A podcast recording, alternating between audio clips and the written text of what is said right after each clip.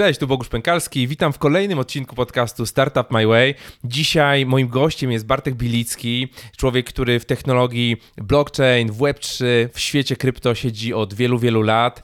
Sam osobiście poznałem go wiele lat temu na konferencji I Love Crypto. I od tamtego czasu e, obserwuję, obserwuję jego działania. Dziś e, prowadzi startup Smart Verum, który tokenizuje sztukę e, za pomocą NFT. Więc o tym wszystkim będziemy rozmawiać. Będziemy rozmawiać o e, drodze Bartka, o technologiach, o NFT i o wszystkim e, all things blockchain. Ale zanim zaczniemy, przedstawiam Wam oficjalnie w podcaście naszą nową inicjatywę, czyli nasz projekt NFT Board Founders Club.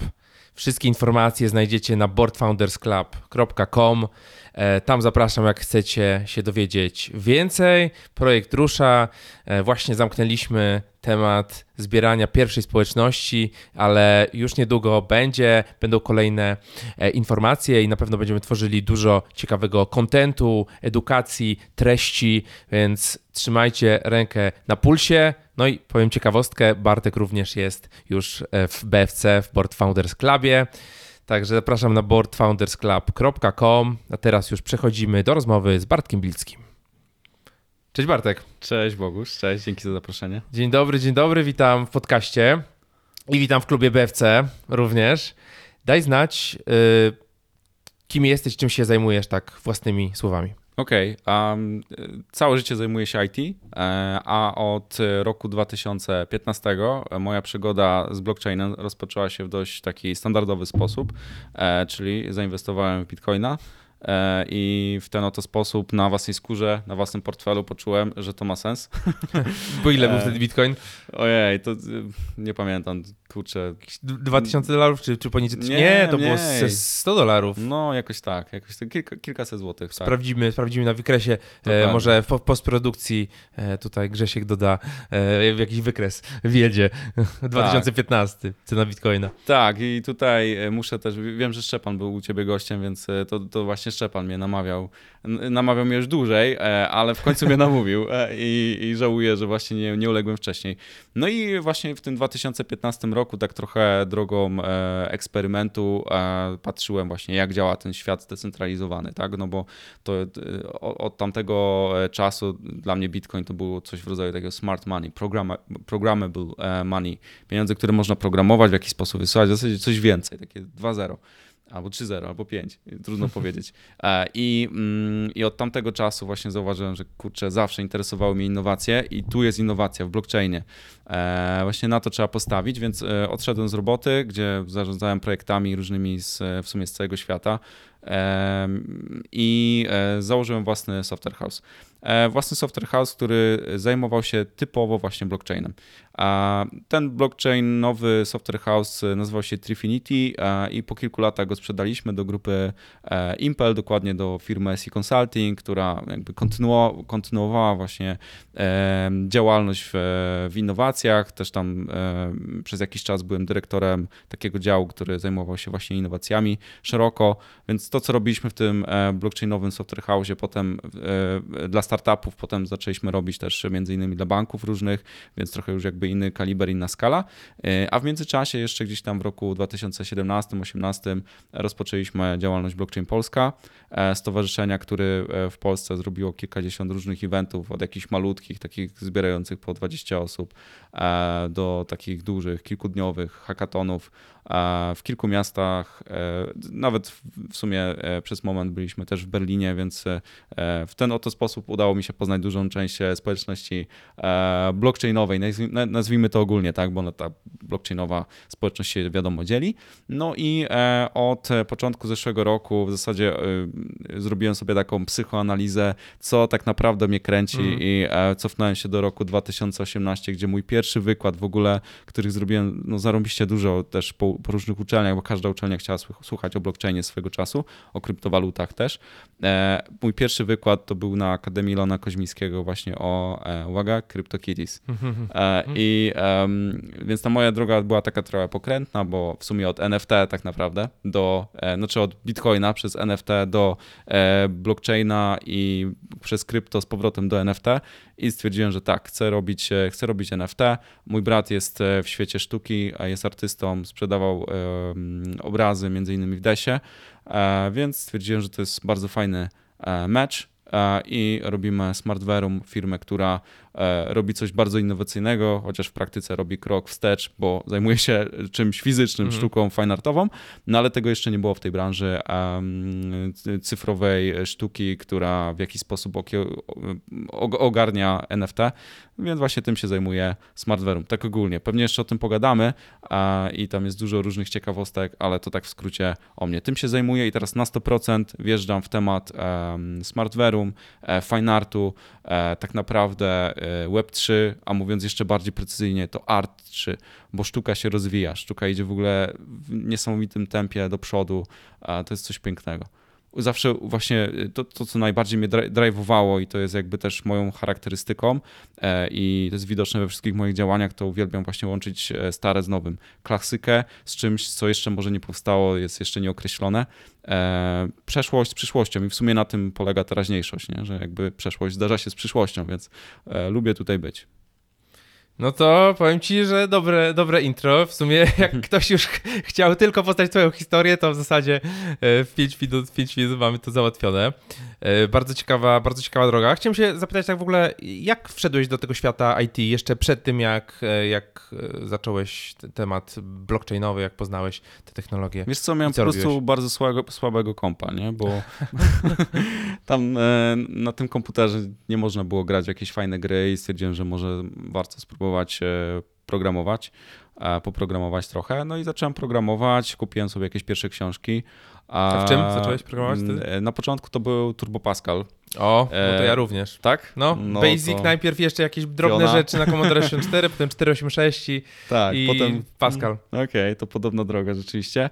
E, wskoczyłem potem w Delphi, bo jednak bardziej wizualne programowanie, no nie, a potem to już tak naprawdę różne rzeczy. Wsko... No i moja ścieżka bardzo szybko skręciła w stronę aplikacji webowych e, i e, no i potem tak naprawdę bardzo różne e, technologie, tak, więc, więc tutaj już nie będę tego opowiadał, bo może nie każdego to interesuje, ale tak, to jakby to był ten początek początek, że rzeczywiście miałem słabego kompa i, i wiadomo, rodzice nie chcieli mm. jakby się zgodzić na, no, na nowego i mieli takie podejście, ale gry komputerowe jakby to nie rozwija człowieka, dlaczego miałbyś tak. to robić? No i rzeczywiście, akurat w moim przypadku była to prawda, bo... Jeszcze wtedy nie było gry, gier play to earn. No, Teraz to a... będzie, synku, pograj jeszcze godzinkę. Tak, bo tak, no mógłbyś jeszcze nowy samochód sobie kupić.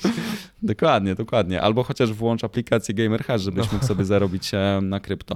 No dokładnie, więc e, taka, taka była moja historia no i jakby potem e, studiowałem informatykę, tak, ukończyłem to, robiłem różne ciekawe rzeczy, pracowałem dla PWN-u e, w aplikacjach, e, tworząc aplikacje, czy zarządzając wytwarzaniem aplikacji dla branży w sumie edukacyjnej i tam było dużo gamifikacji. To mm. też jest jakby część e, mnie, którą odkryłem później, że po prostu kocham e, gamifikację, elementy mechaniki gier. Może nie same gry, ale elementy mechaniki gier. To jest fajne. E, bo w ostatecznym rozrachunku to od tego zależy, od e, motywacji wewnętrznej czy zewnętrznej, w którą stronę idziemy, co nas drive'uje, co nas popycha do mhm. przodu, czym będziemy się zajmować i czy e, to, co robimy, będzie angażowało innych. I odkryłem w pewnym momencie właśnie, że e, to, co mnie interesowało jako gamifikacja, to dzisiaj rozwinęło się w stronę e, gamifikacji opartej na blockchainie, na tokenach wymiennych, niewymiennych. Najwięksi w ogóle, największe autorytety ze świata gamifikacji, na przykład taki gość, on się nazywa UK Chu, się urodził bodajże na, na Tajwanie. Gamification, tak, Dokładnie. Tak, Biblia. Wiesz o co chodzi. E, Octaliza tak zwana, nie? On dzisiaj postuje wszystko na temat NFT. On jest mhm. insiderem, można powiedzieć. Nie? To są ludzie, którzy wcześniej zajmowali się właśnie gamifikacją, a dzisiaj zauważyli, że okej, okay, po co ja mam robić jakiegoś e, badge'a, jakieś e, pagony, pióropusze, jeśli to nie ma wartości. To powinno mieć wartość, mhm. to powinno być unikalne, być przypisane. Więc y, tak, to widzę, że to charakteryzuje więcej osób, które akurat przylgnęły do, do, do, do, do świata e, wartości opartej na blockchainie. A powiedz, jak, jaki może być taki przykład e, właśnie gamifikacji czy gamifikacji, e, jakiś taki konkretnie, co to może być, jeżeli ktoś jakby grywalizacji, tak? Po polsku. A wiesz, to w ogóle to. No to też jest... leży książka Pawła Tkaczyka, Tkaczyka. grywalizacja, tak. Ale kiedyś wymieniłem z nim kilka z- zdań i w sumie on też nie jest taki przekonany, czy powinna być gamifikacja, czy gry, grywalizacja. Grywalizacja. Grywalizacja wie- zawiera element rywalizacji, nie? Więc w sumie Aha. najpoprawniej byłoby pewnie gryfikacja, ale to jest mało medialne, no nie? Więc jakby zostało grywalizacja, gamifikacja. Okej. Okay. To przykładów jest wiele, tak? No bo wszystko to, co nie jest grą, a w jakiś sposób nas bawi, to posiada jakieś elementy, nawet czasem jakieś malutkie y, właśnie gamifikacji, ale mm, więc, więc wiesz, na przykład edukacja powinna być wręcz zgamifikowana. E, System edukacyjny, o tym nie chcemy zrobić dzisiaj podcastu, tak, ale no nie, jest, nie jest właściwy, tak? On nas nie, nie motywuje w, w ten sposób, jaki powinien być. Jak sobie zobaczysz, wiesz, jak działał na przykład Hogwart, wiadomo, że to nie było realne, tak? To była tylko książka, y, potem film, ale y, to jakby z przyjemnością się nam czyta, no Mhm. nie? Jak, że jakby tam się dzieje coś fajnego. E, Tam odkrywasz ten świat. Ta, ta edukacja jest e, podróżą, można powiedzieć. Albo e, jak właśnie interesowałem się jeszcze gamifikacją e, parę lat temu, no to nadrobiłem parę takich tytułów mega śmiesznych z punktu widzenia dorosłego człowieka, że raczej nie czytasz tego dla siebie. Na przykład, wiesz, Akademia Pana Kleksa. Pamiętam, jechałem autobusem, miałem taki, bo tam jest chyba tylko jeden taki format, który możesz kupić dzisiaj. Duży. I wiesz, tak, mam w domu dzieciom czytam. Dokładnie, więc wiesz, otworzyłem ten wielki format Akademii Pana Kleksa, jechałem sobie autobusem i e, wiesz, i jakby inspirowałem się, nie? Więc tam też ta akademia jest w jakiś sposób gam- zgamifikowana. Mhm. No i e, to tylko pokazuje, jak wiele tracimy. E, Khan Academy, nie? które do każdego, każdy może mieć dostęp. Tam są przecież punkty za to, że oglądasz jakieś kolejne Mhm, filmiki, mhm. masz zaawansowaną gamifikację, odznaki, niektóre tylko za to, że na przykład y, nie miałeś pojęcia w ogóle, że taka odznaka jest, ale nagle się aktywowała, bo nie wiem, ileś tam dni e, oglądałeś e, kursy i udało ci się rozwiązać jakieś zadanie. E, I to jest fajne, to jest fascynujące, jest ten element zaskoczenia. tak. E, Więc to jest chociażby edukacja, tak? No ale jakby, wiesz, no wątków jest bardzo dużo i teraz e, te wszystkie e, aplikacje, wydarzenia, zdarzenia, bo to też może być przecież I Love Marketing, jest konferencja, która, wiesz, też jest gamifikowana, nie? Prelegenci występują i osoby na sali potem głosują na to, kto był najlepszy, tak. tak? I masz miejsca od 1 do 10, w ogóle jeszcze nie dość, że jedziesz na konferencję, dostajesz za to pieniądze, jeszcze możesz e, dostać kasę za pierwsze miejsce, drugie, trzecie dziesiąte nawet. Mhm. WTH, by the way. Więc e, o, tak, bardzo. tak, więc to jest super e, sprawa i e, tym prościej się gamifikuje właśnie, jeśli mamy do dyspozycji właśnie e, jakby całą, cały arsenał ze świata Web3, tak? Tokeny wymienne, niewymienne. Rewelacja. To jakby leży w DNA e, samego blockchaina.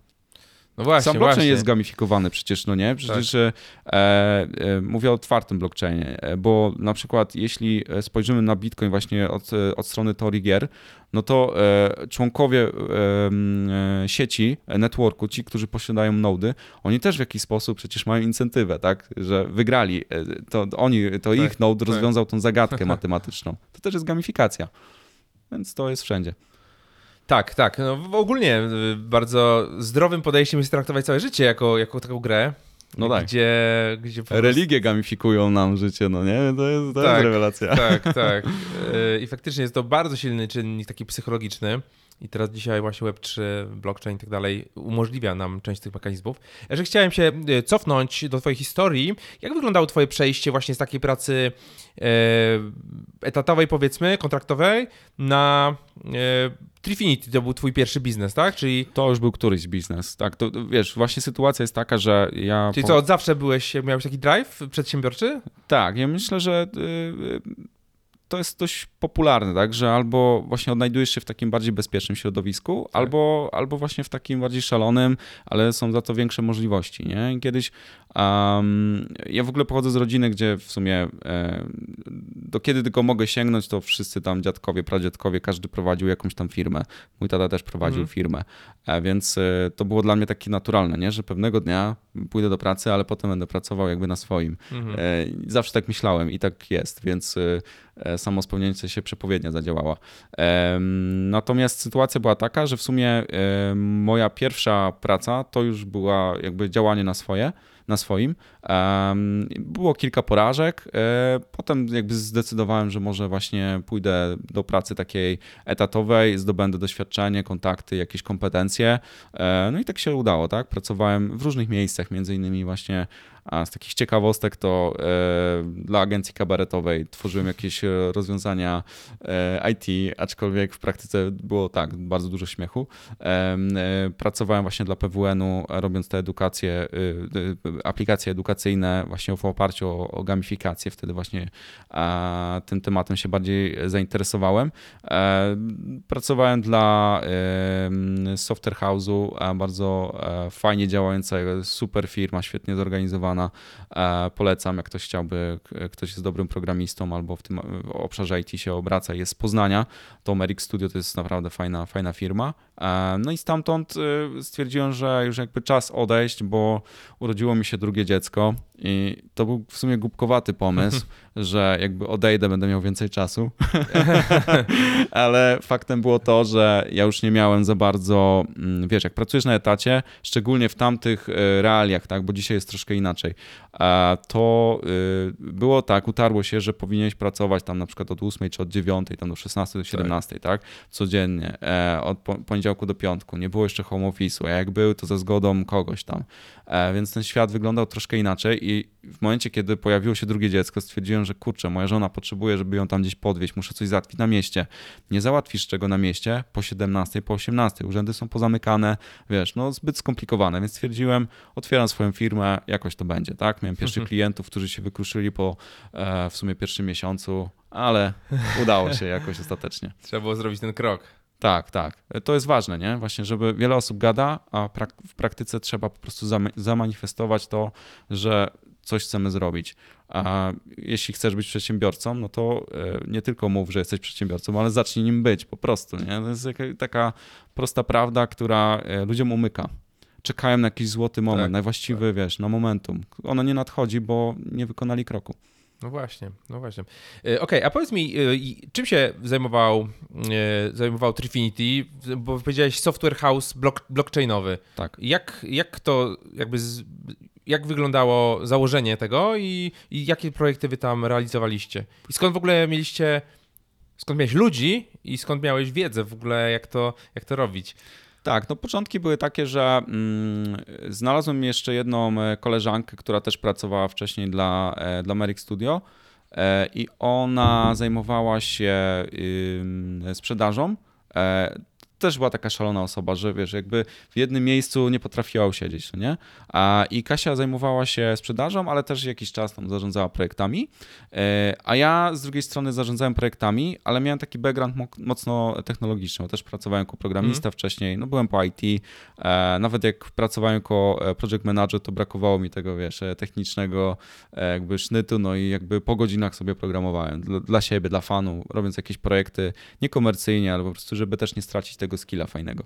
E, no i stwierdziliśmy, że jakby no połączenie tych dwóch skilli, gdzie ona jest bardziej sprzedażowa, bardziej rozumie księgowość i tak dalej, miała już jakieś doświadczenie też z firmą, ja tak samo, połączymy to razem i zaczniemy działać. Więc tak, takie były początki e, Trifinity, potem Kasia jakby się wycofała, nie chciała w tak technologiczne rzeczy mhm. wchodzić, mhm. poszła do innej branży. E, no a ja zostałem jakby już z firmą troszkę rozkręconą, bo mieliśmy już wtedy kilku pracowników, więc wiadomo, bariera pierwszego pracownika mhm. to, jest, to jest coś magicznego, tak, a potem już jakoś to leci, no nie? E, więc tak, to mniej więcej powstawało. Nie, nie mieliśmy żadnego dofinansowania w tamtym czasie. Tak? Ja uwa- wtedy uważałem, uważam, że błędnie, że e, warto rozkręcić coś samemu, tak? Od samego początku, bez, e, bez jakiegoś finansowania zewnętrznego, bez wsparcia innych. Tak zwany bootstrapping. Tak, tak. Znaczy, może warto to przejść, mhm. tak? Ale dzisiaj rozkręcając jakieś kolejne działania, widzę, że potęga jest w tym, że robimy synergię. Synergię, która pasuje dla obu stron. Mhm. Są osoby, które nie chcą się angażować w ogóle, ale chcą włożyć kasę, tak? Są osoby odwrotnie, że no, nie chcą włożyć kasy, mhm. ale chcą włożyć całe swoje serducho, no. Więc no, tutaj powstaje, mówiąc kolokwialnie, wiesz, kapitan planeta, no nie? Na połączeniu tych różnych okay. mocy, mocy i warto, warto, warto to robić. Także wtedy miałem takie podejście i w sumie się cieszę. Też dostałem w kość, sprzedałem tą firmę w momencie pandemii, wysypały nam się zamówienia, nasi klienci poupadali też częściowo, zawiesili swoją działalność albo w ogóle po prostu zamknęli portfel, bo nie wiedzieli, czy co będzie dalej, czy świat umrze, czy nie umrze, wiesz, e, dziwny moment. No i w tamtym momencie gdzieś tam zabrakło nam może właśnie takich e, klientów e, na tu i teraz, na przyczekanie. No i stwierdziliśmy, że dla nas to też jest niebezpieczny moment, więc otwórzmy jakby te rozmowy, które wcześniej przekładaliśmy o tym, żeby przyszedł inwestor i po prostu przejął markę. Nie? I w sumie bardzo się cieszę z tamtego kroku, bo uwolniło mnie to do, do innych działań. A jakie, jakiego rodzaju projekty e, robiliście tam? W e, sensie... Wiesz co, no e, e, różne, blockchainowe, raczej... Coś takiego, kon, jakiś konkret? Tak, wiesz co, robiliśmy dla, dla Szczepana, robiliśmy personal tokens, A, okay. więc jak ktoś pamięta ten koncept, on dzisiaj jest rozwijany bardziej pod marką Sapiensy. E, no to, to właśnie te podwaliny ze Szczepanem po, położyliśmy. Oczywiście on koncepcyjnie jest absolutnie wizjonerem, innowatorem i szapoba. E, natomiast no... I również uczestnikiem Board Founders Club. E, tak, tak, zapraszamy. Jest założycielem. Zapraszamy tak, do tak. dołączenia do klubu. Tak, no od kiedy dołączyłem, to teraz będę wszystkich zapraszał. To jest zarąbista koncepcja, a to jest side note tylko. Tak, tak. Okej, okay, więc e, tak, to była jedna z pierwszych w ogóle aplikacji Web3 w Polsce, no nie? E, bo można było, pod, nadal można podpiąć e, swój portfel e, MetaMask, no i wykonać pewną akcję, w tamtym przypadku akurat stokenizować siebie. Współpracowaliśmy ze sprawnym marketingiem i jako E, pierwszy event został właśnie zgamifikowany, stokenizowany przez e, ich e, wewnętrzną walutę, wewnętrzny token MXY. Do dzisiaj on działa. Mhm. On jest takim stablecoinem, bo można jeden do jeden ze złotówką wymienić Aha. na ich produkty, więc zarąbisty tak mhm. naprawdę. Mhm.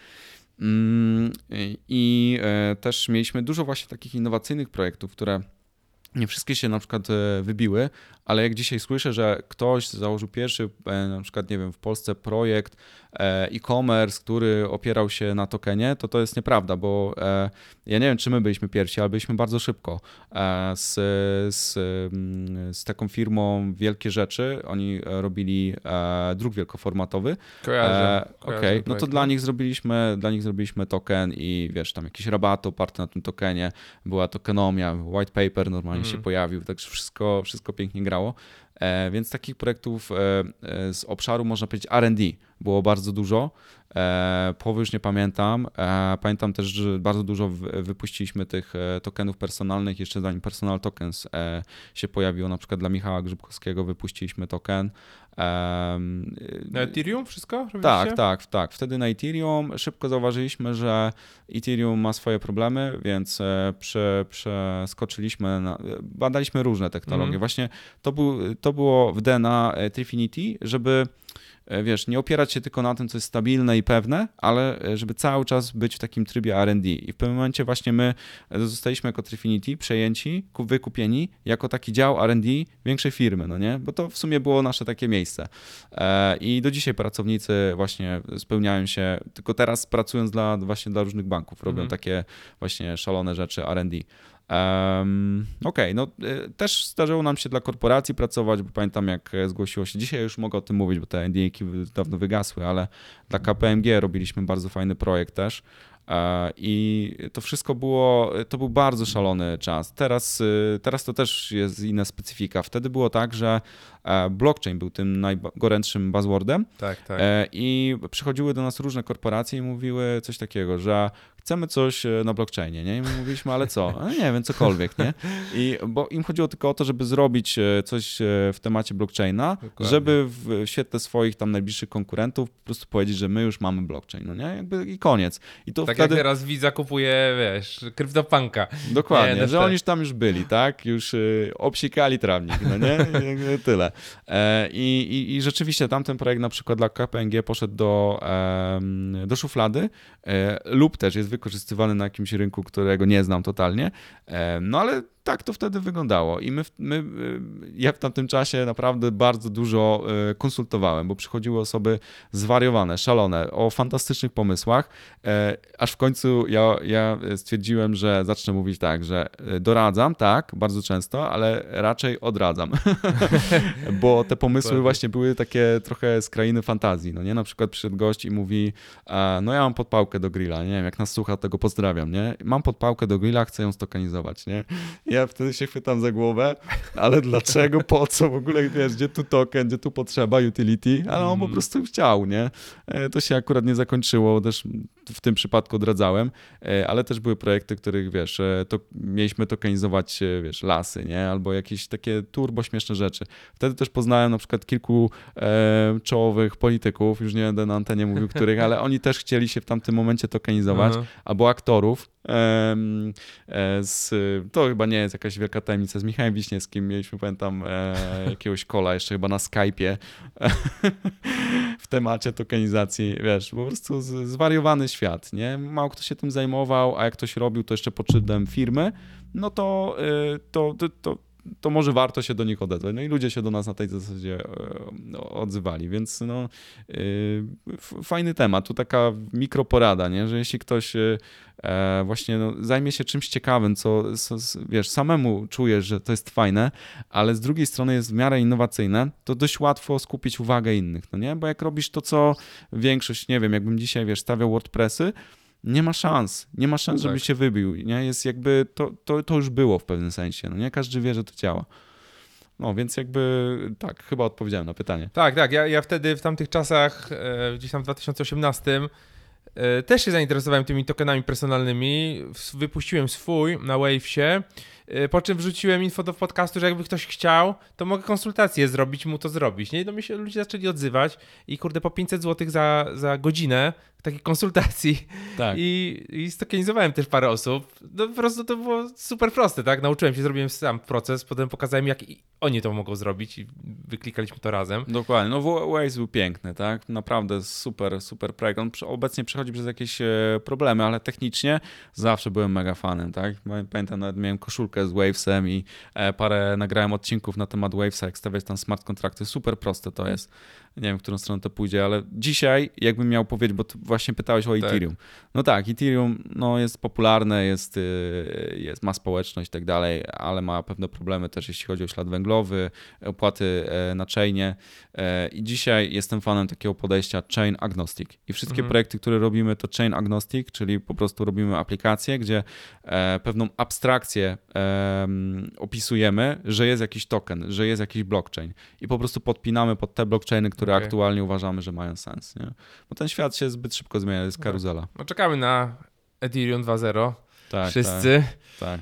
Zobaczymy, co to, co to się będzie działo. No, ale faktycznie... Czekamy już kilka lat. Tak, tak. No niby teraz już ma no, poważnie to tak. wejść. E, dobra, okej. Okay. I tak jak mówiliśmy, mówiłeś, że po prostu no, rynek się trochę załamał Wy sprzedaliście firmę, a jak ta, ta, sprzedaż firmy wyglądała? Czy po prostu ktoś się do was zgłosił, czy zaczęliście wychodzić na rynek i szukać potencjalnego kupca? Wiesz co, chętni byli już dawno, e, natomiast e, ja w ogóle tego nie rozważałem wcześniej. Nie? I w momencie, kiedy pojawiła się taka sytuacja, stwierdziłem, że to wiesz, masz, e, masz dom, masz rodzinę, masz pracowników, chcesz wypłacić wszystkim, wiesz, wypłaty a, i stwierdziłem, że to jest po prostu ten moment, nie? I, I dość w krótkim czasie udało mi się znaleźć trzech inwestorów, E, no i rozmawialiśmy, nie? I zdecydowaliśmy się właśnie, żeby pójść w stronę mm, firmy, która w sumie dała z jednej strony najlepszą ofertę, a z drugiej strony mieliśmy najlepsze, najlepsze zaufanie. A więc no tak, to był, to był dobry krok dla obu stron. Dobra, to powiedz mi, co to w ogóle jest to całe NFT i czemu jest taki wielki szum? Tak, w, w, tym temacie teraz. Uwielbiam pytanie, co to jest NFT. Jestem ciekaw, jak ty tłumaczysz NFT, bo jestem takim trochę kolekcjonerem różnych definicji NFT. Tak, no ja właśnie też tak pytam. Mhm. No i, te, i tak, i, wiesz, jako, jako osoba techniczna, to wiesz, e, lubię wejść w szczegóły techniczne i powiedzieć, że to w sumie jest smart contract, nie? Więc jeśli wiecie, czym są smart kontrakty, to tam są po prostu opisane reguły. Program komputerowy tak. zapisany na, na, na blockchainie. Dokładnie, ale reguły. tak serio, to nigdy nie tłumaczę w ten sposób, mm. nie? Bo to jakby zabija dyskusję. A według mnie NFT to jest pierwsza e, udana implementacja wartości e, cyfrowej Kropka. I teraz wartości unikalnej cyfrowej. I teraz co to oznacza w praktyce? To znaczy, że my jesteśmy w stanie zapisać cyfrowo, wysłać, przypisać komuś, sprzedać coś unikalnego. No nie?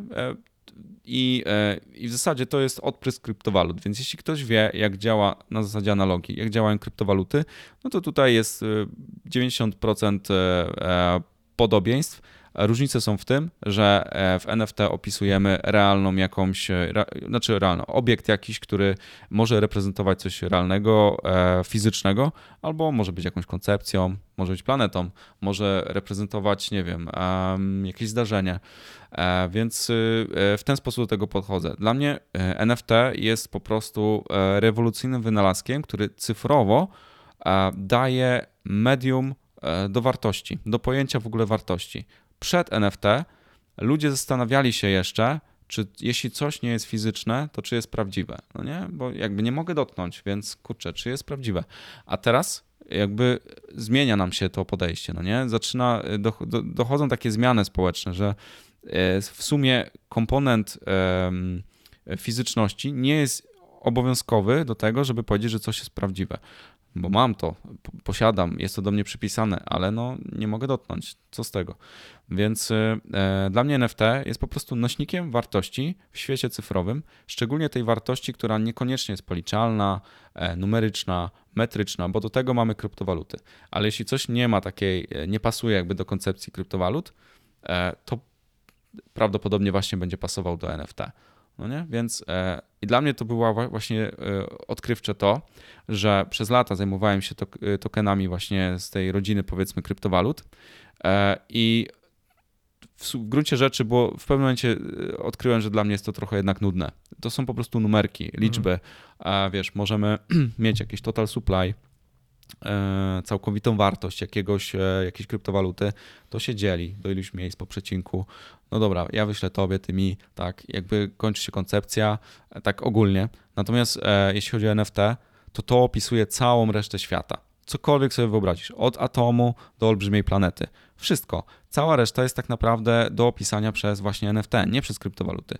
Więc e, ludziom czasem się wydaje, że o, za, zarąbista rewolucja kryptowaluty, e, a NFT to jest jakiś tam o, śmieszne kotki, pieski i tak dalej.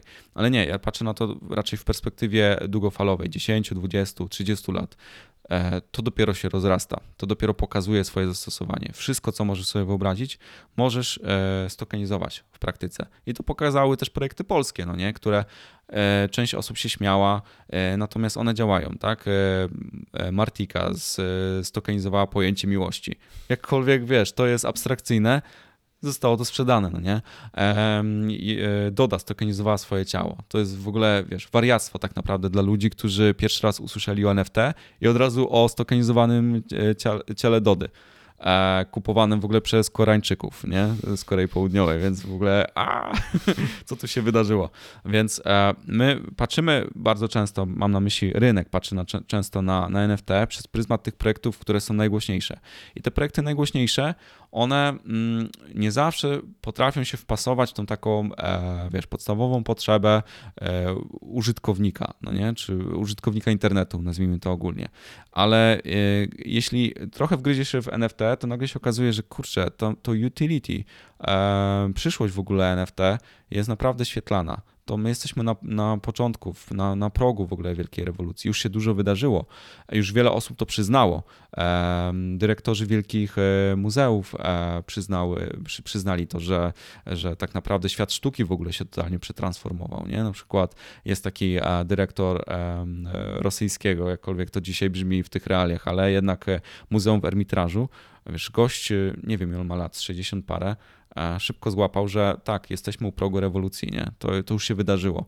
Dzieła, wiesz, Leonardo da Vinci, e, Vincenta van Gogha, Claudia Moneta, Hokusaya, e, świetnego artysty z Japonii, który robił drzeworyty. E, to już zostało stokenizowane. Ostatnio słyszałem o Klimcie.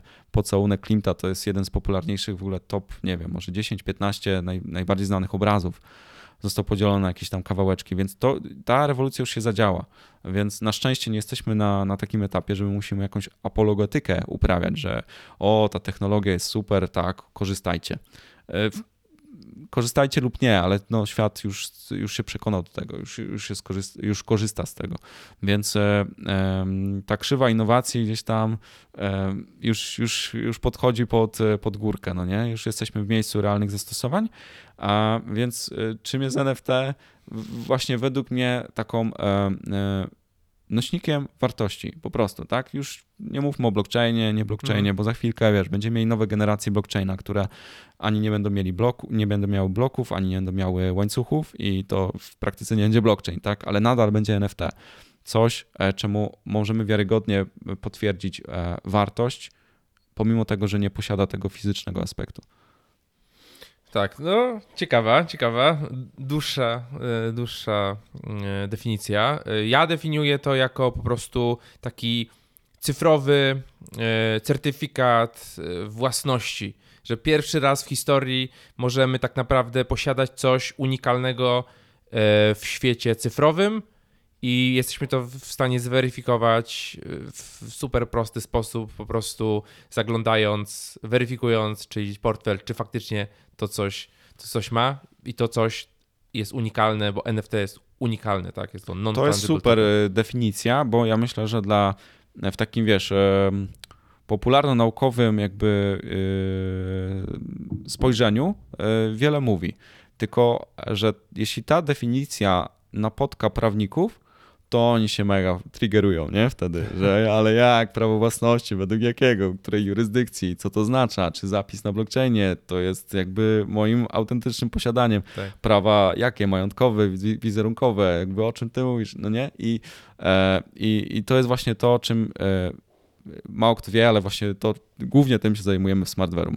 E, to, co wszyscy widzą, to jest technologia, a to jest właśnie sztuka, ale w praktyce bardzo duży komponent jest właśnie prawny, bo e, e, faktem jest to, że jest totalny rozjazd pomiędzy właśnie NFT-kami, pojęciem wartości takim powiedzmy zaprogramowanym, od tego, co rozumiemy dzisiaj w warunkach polskich, prawnych, albo europejskich, albo jakichkolwiek po prostu jest e, to o wiele bardziej skomplikowane w świecie rzeczywistym.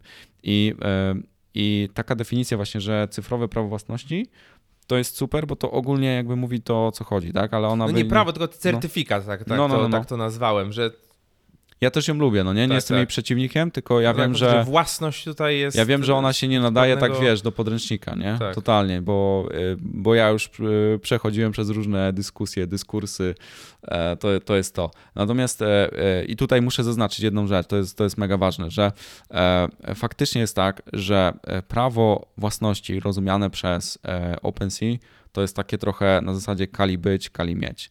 Ja mam, więc mam. Mhm. Kupiłem, więc mam. E, ale w praktyce to totalnie się nie e, aplikuje do prawa takiego e, wiesz, naturalnego na prawie rzymskim. Nie ma w ogóle mhm. szans. I, te, I to jest jeden z moich największych właśnie dylematów, że prawo na zasadzie code is a law, czyli smart kontrakty, sam, całe Web3 i ten właśnie prawo rzymskie, to co jest, co wynika w ogóle z naszej kultury, z tradycji, to na czym w ogóle jest osadzony świat, to dlaczego my zakładamy firmy i tak dalej, to totalnie się ze sobą e, kłóci, jest niekompatybilne.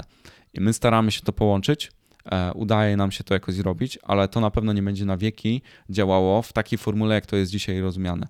Bo e, jeśli ja kupuję na OpenSea coś, to już było mnóstwo takich sytuacji, że ktoś myślał, że kupił prawa, a tak naprawdę kupił tylko token, e, kupił tylko jakby obrazek czy tak, plik tak. stojący za czymś, tak?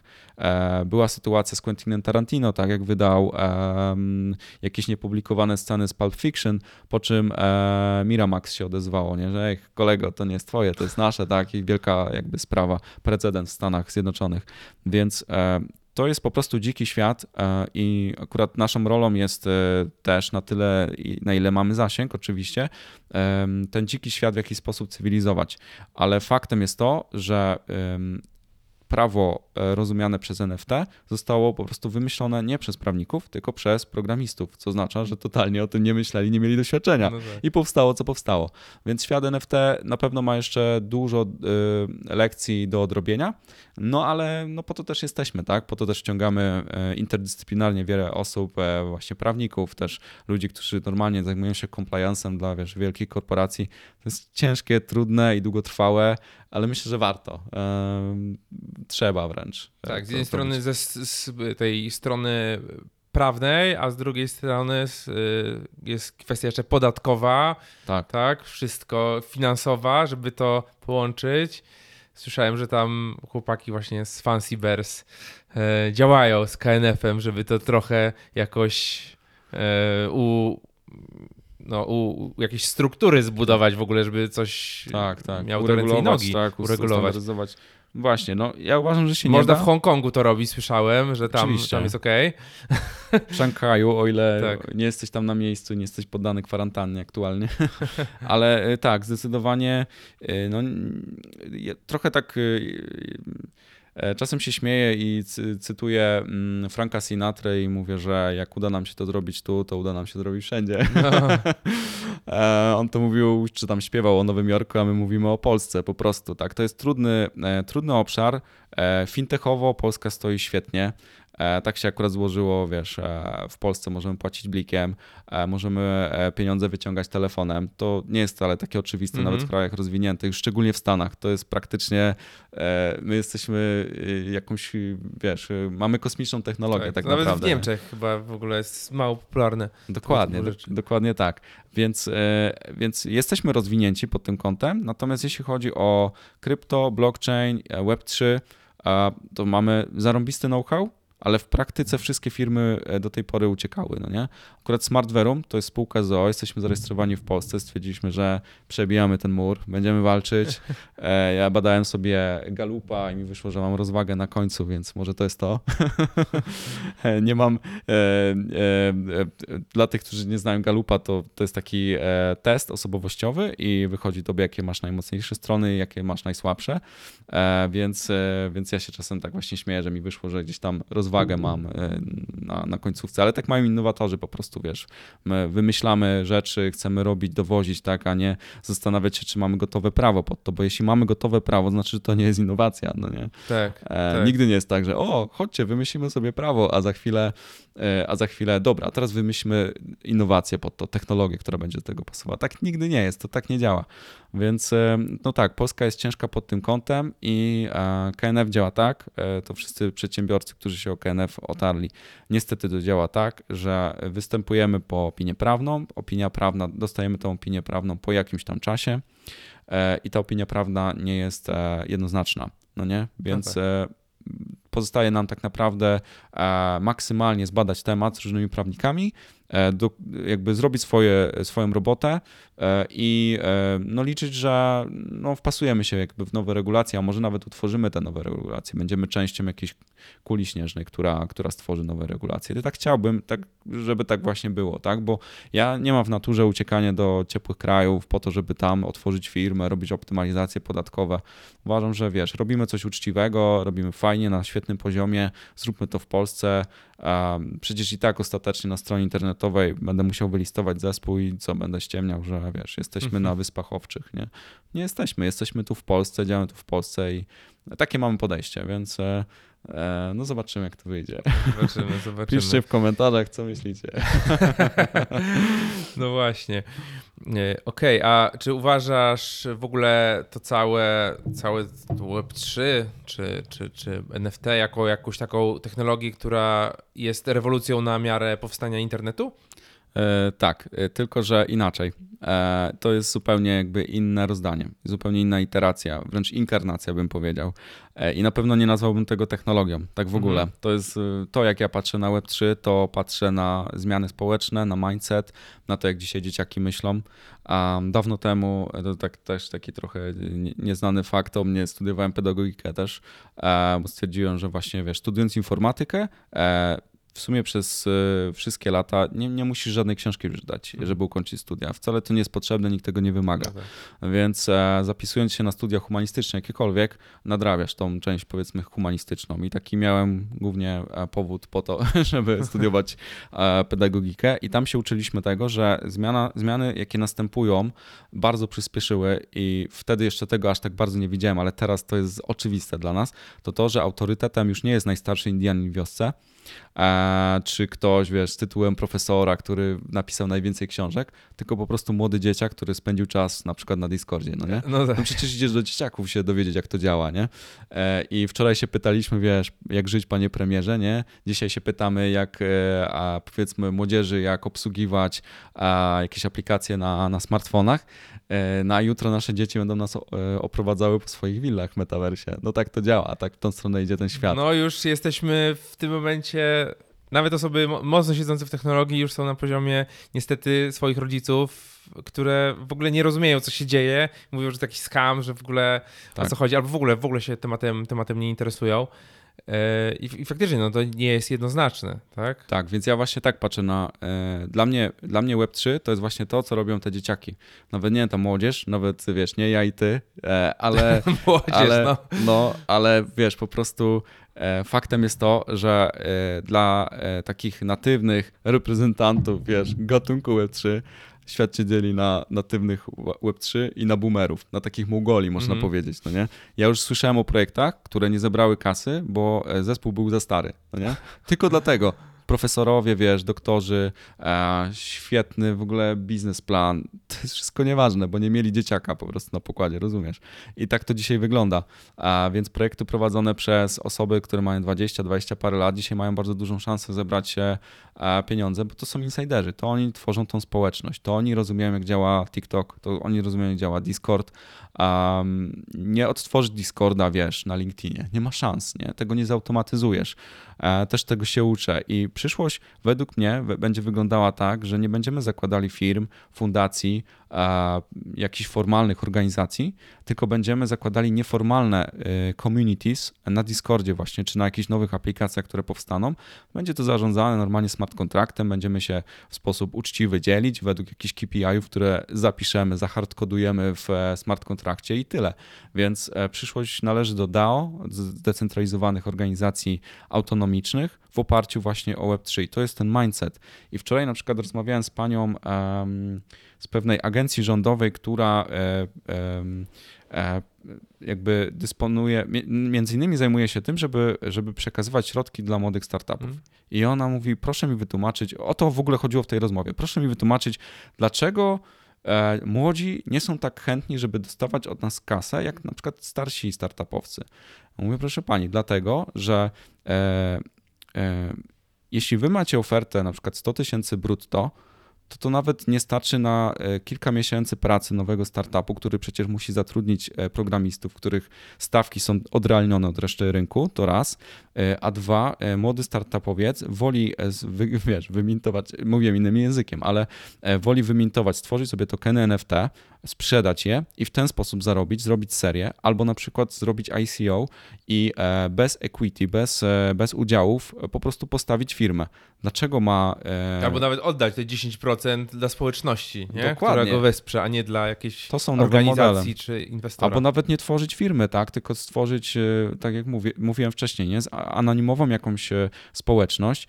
E, Ile się dzisiaj zarabia na społeczności? Ile się dzisiaj zarabia na tym, że jesteś in- influencerem? To są najciekawsze zawody. Dlaczego oni mieliby dostać 100 tysięcy brutto? Tak się śmieję, bo akurat o takiej kwocie słyszałem, Mhm, że, mhm. że, że to jest e, jeden z takich programów na 100 tysięcy złotych brutto. Nie? W ogóle nikt w biznesie nie mówi o brutto, ale tam mówią o brutto. E, I teraz 100 tysięcy brutto to ma starczyć na kilka miesięcy, pół roku, jakkolwiek. Są jakieś KPI, musisz, e, wiesz, i w ogóle to może być, e, możesz stracić to dofinansowanie. Nie? To jest za dużo ryzyka, za dużo papierów, za dużo gadania, za dużo Tak, starego świata. Tego dzisiaj nikt nie chce. A w Web3 jest tak, że dzieciaki robią deale szybko, na zaufaniu, na blockchainie, nie znają siebie, nikt się nie pyta, z jakiego kraju pochodzisz. Y, Często rozmawiamy, wiesz, po angielsku, nagle się okazuje, że w sumie ktoś jest Polakiem, tak? Mhm. no jakby obowiązuje angielski, więc e, mm, robimy deal z kimś, kto na przykład jest w Singapurze e, i e, no i tyle, tak? Naszym wspólnym językiem jest język angielski, język Web3. I to wszystko, więc tak w tą stronę świat e, idzie i dla mnie właśnie Web3, mm, okej, tam jest komponent technologiczny, ale w praktyce to tam jest w ogóle nowe myślenie, nowy mindset, e, ludzie, którzy działają, tak jak mówiłem, w nieformalnych communities i chcą budować jakąś wartość, e, koncentrują się nie wokół brandu, czasem też, ale głównie wokół wizji. To jest ciekawe. Mhm. E, I e, stare firmy, korporacje właśnie tego nie potrafią dać. Dlatego korporacje żenią się ze startupami, bo to startup ma serce. a korporacja ma pieniądze, więc małżeństwo do rozsądku, no nie? No właśnie, dzisiaj, w dzisiejszym świecie takie DAO, taka zdecentralizowana organizacja jest w stanie zebrać 24 godziny, na przykład, nie wiem, 10, 20, 30 milionów dolarów. Na cel na przykład nierealny totalnie, tak. no nie? I on się wysypuje, ale wszyscy machają ręką, bo to też jest jakby specyfika tego inwestora. Ten inwestor, e, który wrzuca w DAO, to są bardzo często nie jak jacyś, wiesz, inwestowani, licencjonowani inwestorzy, tak. którzy skończyli ekonomik, e, jeszcze dodatkowo jakieś kursy, nie wiem, na Wall Street. Nie. Wcale nie. To są osoby, które kiedyś tam wrzuciły kasę w bitcoina, tam kupiły jakiegoś NFT-ka, były właśnie na jakimś Discordzie, usłyszały, że jak będą miały APA, e, e, będą mieli małpę, tak, to zarobią sobie APA na przykład, nie za to, że tylko tak. trzymają. Wiesz, to jest zupełnie inny sposób rozumienia. Dzisiaj e, powiedz będą tym... mieli Cyberkongę, będą banany dostawać. Dokładnie, weź to wytłumacz mamie, nie? na czym ty zarabiasz. no więc jakby ten świat jest, e, e, wszystko pozmieniał. To, jak ludzie pracują, to też jest związane oczywiście z transformacją cyfrową wywołaną przez Chief e, Innovation Officera, czyli COVID-a. E, I to jest związane z tym, że my już dzisiaj nie pracujemy od 8 do 16, tylko pracujemy inaczej, różnie. E, nie musimy być w biurze. Ja w ogóle większość mojej pracy wykonuję z samochodu. Tak zwany car office, no nie? Raz pamiętam, zrobiłem sobie biuro w lesie, tak? Poszedłem do lasu, była dobra pogoda i się śmiałem, że mam forest office bardzo często jest tak, że do biura po prostu nie idę, bo jakby szkoda mi czasu na dojazd, no nie? Załatwię to w, w, inny sposób. E, faktem jest, że mam dość specyficzną formę jakby pracy. Ja, jak ktoś jest na przykład, nie wiem, programistą, to też pewnie woli inaczej. Jak ktoś jest project managerem, to też może woli e, jakby porozmawiać z ludźmi na miejscu i ustalić pewne rzeczy, a nie robić kola i tak dalej. Ale no, w, tą, w tą stronę właśnie to idzie, więc dla mnie Web3 to tam jest dużo technologii, ale przede wszystkim to jest to, jak zmienia się świat. Musimy obserwować no niestety pobawię się trochę socjologów i porozmawiać z dzieciakami, jak oni patrzą na świat. Oni bardzo często teraz dołączają do projektów tylko dlatego, nie, że mają wynagrodzenie, ale dlatego, że mogą zdobyć to doświadczenie. Myślą zupełnie inaczej. My tak nie myśleliśmy e, jeszcze gdzieś tam, nie wiem, 20 lat temu, no nie? Tak, to tak jak właśnie e, Szczepan, Szczepan mówił w, w ostatnim odcinku, że dzisiaj moderator na Discordzie może tak naprawdę zarabiać, zarabiać miliony, bo, tak. bo dostanie jakieś wynagrodzenie w tokenie, NFT plus jakąś pensję i tak dalej. Yy, I okazuje się, że zupełnie jakiś nowy rynek pracy powstaje, nie? gdzie takich zawodów nie było, no, a teraz jest to już, jest to już potrzebne. Yy, taka, taka anegdotka mała z zeszłego tygodnia. E, umówiłem się na kola z firmą, która dostarcza właśnie ożywia Discorda, mówiąc w skrócie, e, z Holandii. E, no i trzech chłopaków, nie? Każdy, każdy młody, każdy w ogóle z innego konta się mm, jakby, mm. wiesz, zalogował, włączył, gdzieś tam na jakimś, widzę, że open space działają, ten nam w ogóle z ławki, z parku dzwoni, jeden z nich taki, wiesz, młodzieńczy wąsik, nie? Po prostu to są dzieciaki. Tak. Ale dla mnie to mnie właśnie uwiarygodniło, nie? Jakby, wiesz, było trzech panów, jeden siwy, jeden coś tam, ten ma brodę długą e, i w garniturze, to bym stwierdził, to oni, oni mi nie ogarną Discorda, nie ma w ogóle szans. A jedyne, co zrobią, to, wiesz, skasują mnie pewnie, nie? I to wszystko. No więc tak, tak ten świat wygląda. Nowy, nowy świat. W ogóle e, też taka, taka dygresja a propos, a propos NFT, bo słuchałem ostatnio podcastu e, z twórcami Cyberpunks, czyli jednego z najpopularniejszych projektów teraz, prostu dwóch, dwóch programistów, którzy interesowali się kolekcjonerką i szukali możliwości tej... A czekaj, tej... CryptoPunks, czy mówisz Sa... o Cyberpunks? CryptoPunks. Krypto, okej, okay, dobra. Cyberpunk to gra no, CD no, Projektu. No, no. Myślałem, że jakiś projekt miał mi, no co jest w sumie możliwe, bo tych projektów jest zarobiście dużo. Okay. No, nie no, CryptoPunks, te, okay. te, te, wiesz... Tak, tak, tak. Jeden, w, zas w, zasadzie pierwszy popularny. Uważany, nie? tak, za pierwszy, jeszcze jakieś tam było CryptoPepes czy Rare Pepes, e, to jakiś był jeszcze podobny, Vitalik ale... Vitalik robił jeszcze kolorowe bitcoiny swoją drogą, nie? Dawno temu. Okej, okay, okej, okay. ale no. taki pierwszy mainstreamowy, no to właśnie CryptoPunks tak. E, i chłopaki chcieli, chcieli zbudować coś, co odwzorowuje właśnie jakąś taką cyfrową tą, tą wartość e, i szukali rozwiązania, znaleźli Ethereum, stwierdzili, kurde, tam można zrobić NFT, taki unikalny, unikalny token, który będzie to reprezentował i tak się to, tak się to zaczęło. Wypuścili tą kolekcję y, zbudowa- napisali sobie program, który wygenerował im te, te 10 tysięcy 10 tysięcy tych, tych obrazków. W ogóle po prostu stwierdzili, że 10 tysięcy to jest dobra liczba. Dzisiaj 10 tysięcy to jest taki klasyk. Tak, tak. Tak, to oni sobie Od prostu 5 za- do 10, tak. nie? Właśnie Fancy Bearsów jest 8, 8, 8, 8. Tak, lub jakieś 8, 8, 8, No. 8, 3, 3, 3, 3, 3, czy teraz nowa seria Gary, Ga- Garego V 55 555, e, V Friends, seria druga. No i znaleźli, znaleźli to, to Ethereum, zr- zrobili to e, i wypuścili to zupełnie za darmo. Wypuścili to za darmo, to nikt się tym nie interesował, tam paru znajomych to, to wymintowało, tak, wybiło na tym blockchainie. Potem ktoś tam się zainteresował, e, jakiś dziennikarz, zrobił jakiś dramatyczny nagłówek, no i faktycznie to, to zeszło. Po czym w zasadzie przez dwa lata, trzy lata tam się nic nie działo. Nie? Jakieś drobne transakcje, 100 dolarów, 1000 dolarów, gdzie oni byli też w szoku, że ktoś to kupuje. Po czym, po czym wystrzeliło to, że teraz Ale to, to, jest są też historia sztuki, bo właśnie milion, milionowe. mi, mi dość mocno otworzyło oczy. Dlaczego tak się wydarzyło? Bo ja właśnie, e, e, tak jak mówiłem e, na samym początku, e, ja się interesowałem NFT, to był 2017, 18 na samym początku. No właśnie, nie? jak to, jak to wszedłeś? Skąd? Wiesz co, usłyszałeś e, w ogóle? pierwszy raz usłyszałem o CryptoKitties. E, Wcześniej jeszcze był jakiś tam projekt, ale nawet ciężko mi dzisiaj powiedzieć, czy to się opierało na takim tokenie NFT, jak to dzisiaj rozumiemy. E, Natomiast CryptoKitties to był ten pierwszy projekt, on też był bardzo blisko właśnie CryptoPunków tamtego okresu i e, w sumie w mojej opinii CryptoKitties zrobiło jeszcze większy szum niż CryptoPunks w tamtym czasie. Tak, tak. Aczkolwiek potem w sumie się sytuacja obróciła, no ale dzisiaj CryptoKitties też każdy w zasadzie kojarzy, kto w tej branży siedzi. I em, czemu o tym mówię? Nie wiem. Coś chciałem, jakąś myśl chciałem powiedzieć. Okej, ja ci pytałem o jakby jak, jak wszedłeś w ten, w ten temat, Okej, no tak, więc, e, więc tak, więc znalazłem właśnie e, krypto... ale miałeś kryptokotka? E, Kupiłeś? Na jakimś portfelu mam. Kurde, muszę znaleźć. No właśnie, podobno około No. 40% kryptopunków jest na portfelach, które, do których nie ma dostępu. Wiesz co, no tak samo jest w ogóle z, e, z bitcoinami, czy w ogóle z kryptowalutami. No to jest niestety smutne, tak? Że to... Smutne i niesmutne. W sumie to No. wpływa też na cenę, no nie? To jest, wiesz, warto trzymać rzeczy, które, które gdzieś tam w cyfrowym świecie się, się tworzy, ale to, to też jakby nie jest oczywiste.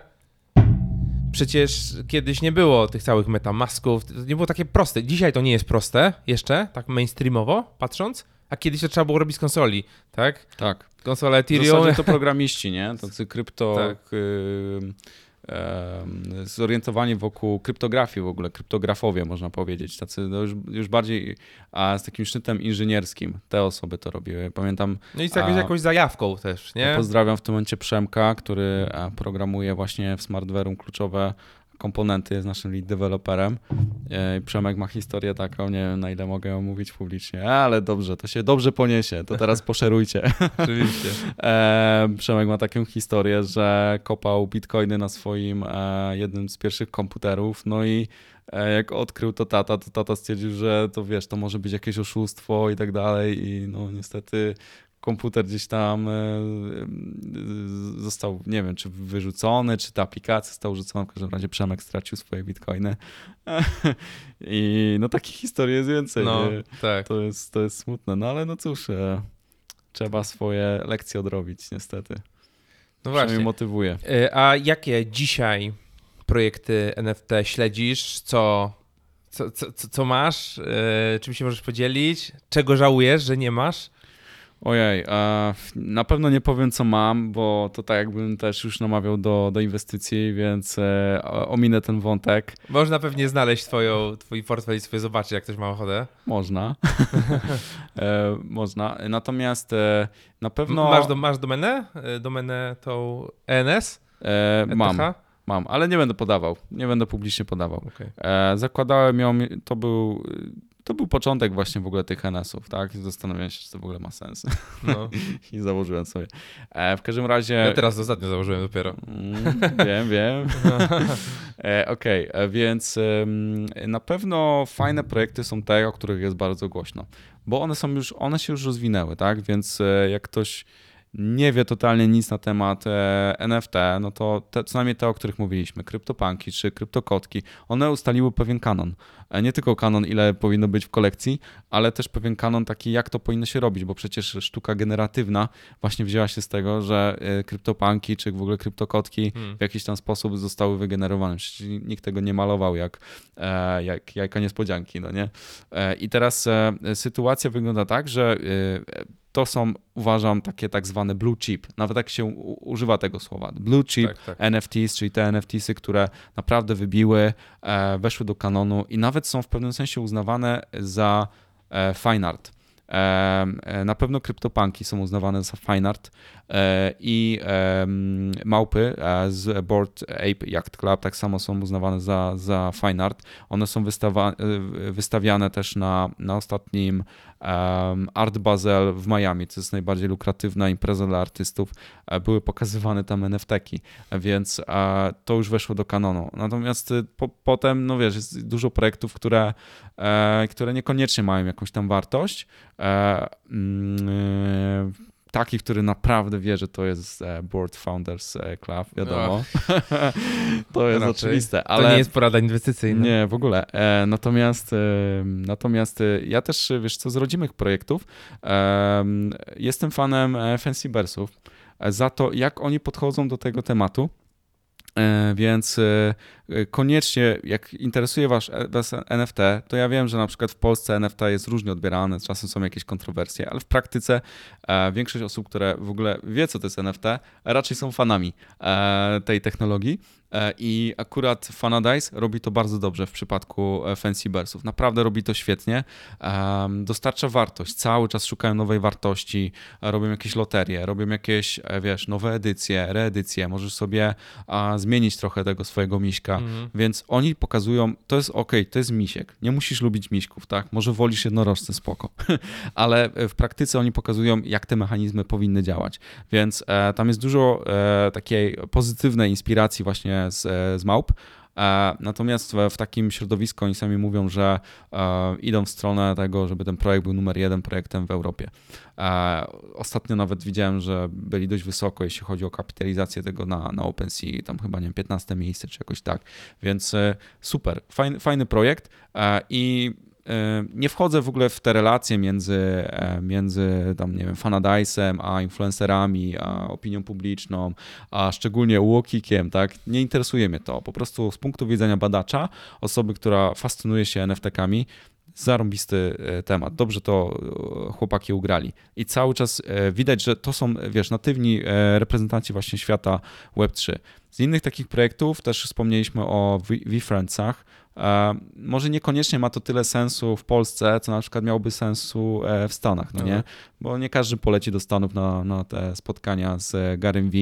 E, natomiast projekt na pewno jest godny, szczególnie, że Gary to jest jeden z takich koniów pociągowych w ogóle świata NFT. To on przenosi do mainstreamu w ogóle ten cały świat tokenizacji, więc to na pewno mogę polecić. Uwielbiam projekty w ogóle ze stani Flow. E, w Stania Flow mam na myśli blockchain Flow, to też warto o tym kilka słów powiedzieć, bo um, kryptokotki e, zostały stworzone przez firmę, która e, następnie stwierdziła, że ETH jest projektem, który no nie do końca jest to stworzony po to, żeby mhm. robić NFT-ki. Dzisiaj większość NFT-ków jest na ETH, ale w praktyce stworzyli własny blockchain, on się nazywa Flow, onflow.org no i ten blockchain jest e, e, też e, napędzany takim językiem resource oriented, typowo pod tego typu mhm. właśnie obiekty, tak? I Flow, na, na projekcie Flow powstał na przykład NBA Top Shots, czyli a, dla tych, którzy nie słyszeli, to, to jest platforma, na której możecie kupić, a, nie wiem, rzut Michaela Jordana za trzy, jakiś tam klasyczny z końcówki a, boiska i e, ceny są różne, od kilku dolarów do kilkuset dolarów. Ja myślę, że jak ktoś e, nie ma żadnego NFT, to tam jest dość relatywnie nisko próg wejścia. Po prostu rejestrujecie się i możecie za fiaty wręcz kupić NFT-ki, które są właśnie na blockchainie Flow. I na tym blockchainie Flow też ja jestem prostu to mogę powiedzieć. Jestem obkupiony we Flow. E, oni mnie nie sponsorują, ale liczę na to, że urosną. Dlaczego? Ponieważ ta technologia e, z jednej strony już jest mocno osadzona w świecie e-sportu oraz sportu. E, mają już ze sobą właśnie NBA w Stanach. To już wyparło, można powiedzieć, te karty z, baseball, z baseballistami. Dzisiaj dzieciaki nie kupią ci, wiesz, no tak. kart z baseballistami, tylko kupią NFT z graczami NBA. Um, oni już zdobyli rynek NHL, NFL, um, UFC w ogóle cały jest właśnie też na Flow. To też jest kolejna seria dla fanów, na przykład MMA. Jak interesujesz się MMA, no to na Crypto.com można kupić serię e, UFC. E, więc e, blockchain Flow e, został w ogóle stworzony na bazie doświadczeń firmy, która tworzyła CryptoKitties to raz, ale wykorzystując, uwaga, technologię Libry, czyli tego, co tworzył Facebook przez mm -hmm. lata. I teraz e, to jest jakaś moja teoria spiskowa, zobaczymy, czy to się uda, czy się nie uda, ale jeśli e, Mark Zuckerberg w zeszłym roku ogłasza, że, że rzeczywiście wchodzą ostatecznie w Metaverse, zmienia nazwę na Meta i e, e Horizon w końcu będzie na czymś też działać, muszą tam być NFT, to ja się zastanawiam głośno na jakim blockchainie. Nie? E, nie wiem, czy tak będzie, czy nie, może będą chcieli coś swojego stworzyć, ale część zespołu facebookowego, która e, tworzyła właśnie Libre, pracuje nadal nad Flowem. Mhm. I to można wyczytać na ich blogu, więc e, e, według mnie to jest godne obserwowanie. Jest dużo takich projektów, których też jakby na drugą nóżkę powiem, bo o nich mało kto słyszał, na przykład Autograph.io, i tam można kupić autografy po prostu znanych osób. To też jest ciekawy taki, można powiedzieć, odblask e, tego świata właśnie, jeśli jesteś fanem w ogóle takich collectibles, zbierasz autografy, to może, może zacznij zbierać właśnie NFT z autografami. To nie są zdjęcia autografów, że ktoś miał, tylko to są e, rzeczywiście zweryfikowane autografy przez te osoby, mhm. przez chyba, oni się reklamują e, Tiger Woodsem między innymi, więc możesz sobie kupić e, takich sław e, podpisy. E, więc w tą stronę też warto gdzieś tam zajrzeć. No ja myślę, że pytanie, czy ktoś chce inwestycyjnie, czy chce po prostu e, jakby zakupowo podejść, bo to są dwie różne strategie. Jak chcesz inwestycyjnie, to warto mm, poszukać jakiegoś młodego projektu, które za chwilę będzie hitem, no nie? Co jest oczywiście trudne i trzeba być w społeczności bardzo, bardzo mocno, ale jeśli patrzysz e, typowo e, zakupowo, to prawdopodobnie interesuje Cię już jakby możliwości, które za tym stoją. No więc tutaj e, mnóstwo tych projektów, które nazwałbym NFT-kami, które są kluczami do jakiejś, do jakiejś bramy, do jakiegoś community, do właśnie Discorda, Telegrama. No właśnie, tutaj rozróżniamy, mhm. mamy te kolekcjonerskie NFT, reprezentujące sztukę, autografy i tak dalej. Tak. I te, które mają jakieś utility. Oczywiście można to łączyć, tak. nie? Jest e, też, taki, e, jest też taki nurt, ostatnio zrobiło się głośno o tym, że don't ask um, artist about utility. I oni się wkurzają, że wiesz, tworzą coś mhm. pięknego, mm -hmm. bo to mhm. też jest historia w ogóle sztuki, tak, że sztuka e, cyfrowa przez lata ona była jakby taką sztuką drugiej kategorii, no bo nie szło jej sprzedać. Ci artyści świetny w ogóle mm. warsztat, potrafią naprawdę zrobić cuda, ale przy wykorzystaniu narzędzia, jakim jest komputer, czy tam tablet, czy cokolwiek, i to jest sztuka cyfrowa. No nie? I przez lata oni to robili do, do, do szuflady. E, przecież Beeple jest takim artystą, który przez lata no, nie sprzedawał fine artu, nikt go z fine artu nie zna. On, on robił po prostu fajne e, nawiązania do popkultury, e, wyrażał to w taki sposób, a nie inny. W ogóle zarąbiste są te grafiki. I nagle e, okazuje się, że przy NFT to, co było cyfrowe, nagle staje się wartościowe, tak? Więc, e, więc dlatego artyści, e, jest wielu artystów, którzy właśnie wręcz nawet mogliby może dać jakieś utility, ale wcale nie chcą. E, bo przecież oni sprzedają sztukę, oni sprzedają to, że ty możesz na to popatrzeć, poinspirować się. E, dzięki nowym ekranom e, możesz sobie zawiesić to na ścianie. Zresztą my jako Smartware'em też tworzymy swoje ekrany. To jest ten wątek, który tobie mówiłem wcześniej, że mi się przyśnił. Przyśnił mi się po prostu pewnego dnia po kilku miesiącach pracy, więc zacznij pracować nad czymś. Tak, Pewne tak, rzeczy ci się tak. po prostu pojawią w głowie albo przyśnią. Tak, ty też e... zawsze tak, tak kieruję ludzi, że warto zacząć robić coś, i potem, potem po prostu przyjdzie pomysł, jak już zaczniesz coś robić. Dokładnie tylko tak. y, wspomnę a, a propos Beeple, tak? Jak Mhm. ktoś nie, nie wie, no to była największa sprzedaż w historii e, NFT, 69, ponad 69 milionów dolarów. W zasadzie to w grudniu też Beeple sprzedał za bodajże 92 czy 93, tak, więc jakby to już było pobite jeszcze W sensie ten roku. sam, ten sam, ten... Nie, nie, nie, inny Okej, obraz. inny inny obraz. obraz. No. E, Swoją drogą słuch- słuchałem też podcastu z, z właśnie tym, tym gościem. E, nie wiem, czy on ma ksywę Beeple, czy, czy ch- chyba tak, tak. W- Wykręcony gość, wykręcony, bardzo, bardzo zabawny i w ogóle polecam e, sobie. Ja polecam obejrzeć na YouTubie, jak on e, właśnie bierze udział w tej cyfrowej, notabene e, aukcji właśnie tego, tego pierwszego obrazu, czyli przypomnę, bo może też nie każdy wie, to, to jest praca, która powstawała 5000 dni, zanim w ogóle ktokolwiek pewnie pomyślał o NFT, on e, też jeszcze nie wiedział, że w ogóle robi to komercyjnie, po prostu codziennie wydawał kolejny obrazek. I tyle, robił to dla fanu, a w ogóle był grafikiem komputerowym, to wszystko. E, I pewnego dnia Christie's, najbardziej znany dom aukcyjny, e, skontaktował się z nim, no i zrobili jakby kolaż z tych wszystkich 500, e, 5000 e, obrazków, czyli to jest kilkanaście lat e, pracy. I teraz e, jest e, filmik na YouTubie, jak właśnie on podczas tej aukcji e, coraz bardziej dziwi się, ile ludzie są w stanie dać, jak bardzo to podbijają.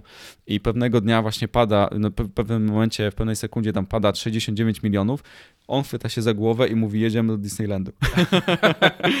I to są te słynne słowa, które będziemy cytować przez no, lata. No, no, Niesamowite, niesamowite. Y, Tutaj też taki wątek, że e, kiedyś, no w zasadzie w takim tradycyjnym świecie, ta sztuka Tak. właśnie była sprzedawana w, w jakichś zamkniętych klubach, w jakichś domach aukcyjnych, a dzisiaj NFT, giełda jest w stanie to zunifikować cały świat, że niezależnie gdzie jesteś, w jakim miejscu świata, możesz kupić tą sztukę bezpiecznie, bez zaufanej strony trzeciej. Oczywiście y, jak kupisz dobre, tak, a nie... Jest też dużo fejków, oczywiście, I, tak. Tak, jest, jest dużo skamu. Y, No właśnie, I teraz przypomniało mi się, co e, wypadło mi z głowy w tym momencie, Aha, jak okej, e, okej. mieliśmy taki flashback trochę.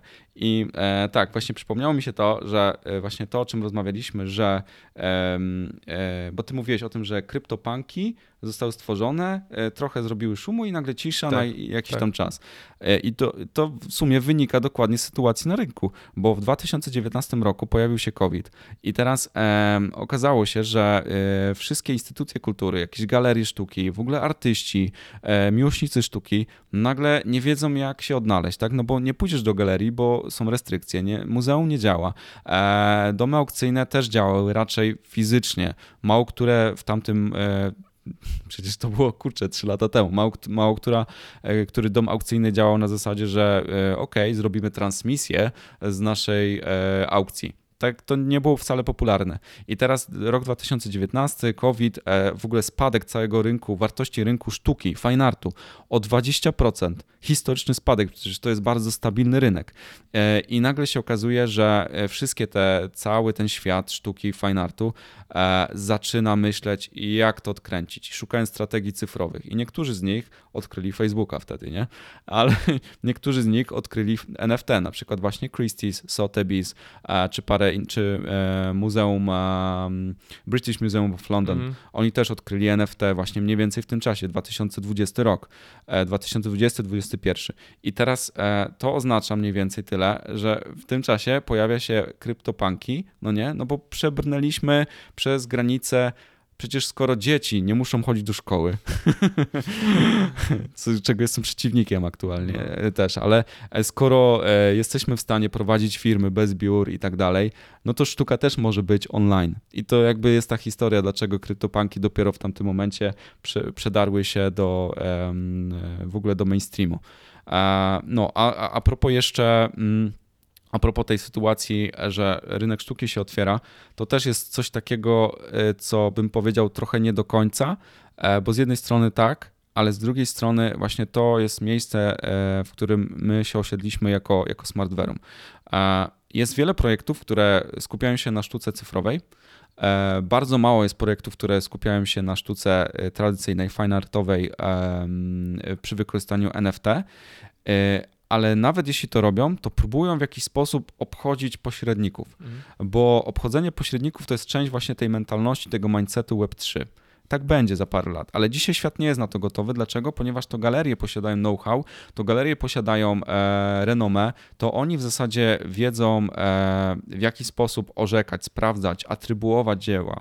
E, I uważam, że robienie dzisiaj fineartowego projektu bez galerii to jest strzał e, we własną stopę, bo po pierwsze zacznę za chwilę, wiesz, jakieś e, promować jakieś fejki, e, a po drugie zacznę promować coś, co w sumie nie powinno być promowane, bo nie, nie wpasowuje się w pewną historię, którą nie możemy przerwać nagle tej historii. I to niestety jest taki uboczny efekt trochę OpenSea. Dzisiaj jak sobie wpiszesz słoneczniki, a może bardziej sunflowers na, na OpenSea, to wyskoczy ci już kilkadziesiąt słoneczników Van Gogha, tylko żaden nie jest w żaden sposób oryginalny. Tak. Wszystko to są fejki, wszystko to są skamy. E, I e, niestety, ale zdecydowana większość e, tokenów na OpenSea to są skamy, szczególnie tych, które są, które, bo tam można wymintować na, na ETH, na Poligonie i od niedawna na Solanie. Od niedawna mówię, to jest, to jest naprawdę chwilka, więc tego jeszcze nie biorę pod statystykę, ale jeśli wziąć ETH, za które się płaci, i Polygon, za którego się nie płaci na OpenSea, to większość na Poligonie to są totalne skamy, fejki, albo po prostu testy osób, które stwierdziły, ok, to wymintuję sobie coś, co mam na dysku? Mm, zdjęcie mojej teściowej. No to jest taki plu, plu, plus i minus, nie? Wszyscy Tak. y, martwimy się i mówimy, kurde, TH jest słabe, bo są te opłaty transakcyjne, Ale to jest gaz, bariera jednak tam jakaś. 20, 40, kurde, nawet 100 dolarów za jedną operację, tak? A jednak Tak. to wprowadza pewien, e, pewien taki próg wejścia. Ja I pamiętam, Stellar miał taką filozofię, że mm, e, mogliby w sumie zrobić e, darmowe przelewy, ale nie chcą, bo to zaspamuje im całą sieć. To nie ma sensu, więc muszą jakąś opłatę, która jest jednocześnie zabezpieczeniem e, przed e, e, złym wykorzystaniem blockchaina. Więc opłata to jest coś dobrego, ale no, y, no nie taka, nie jak jest na ETH, szczególnie powiązana właśnie z tym e, śladem węglowym, bo to też e, umówmy się, że e, środowisko artysty, artystów jest bardzo świadome, jeśli chodzi o Mhm. wiesz, dbanie o planetę i tak dalej, więc tutaj ETH no, nie jest dobrym wyborem.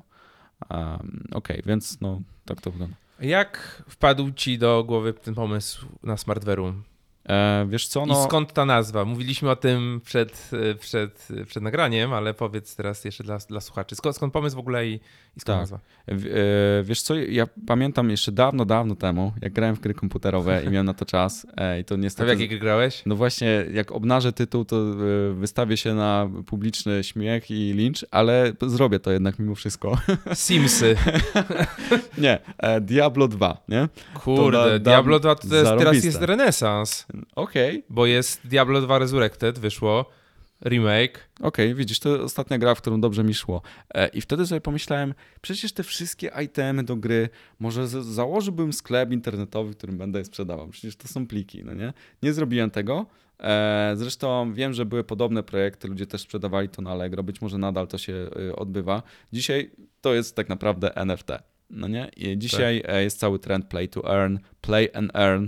E, Wczoraj widziałem Party and Earn. Jest taki projekt, że chodzisz na imprezę i dostajesz w ogóle tokeny.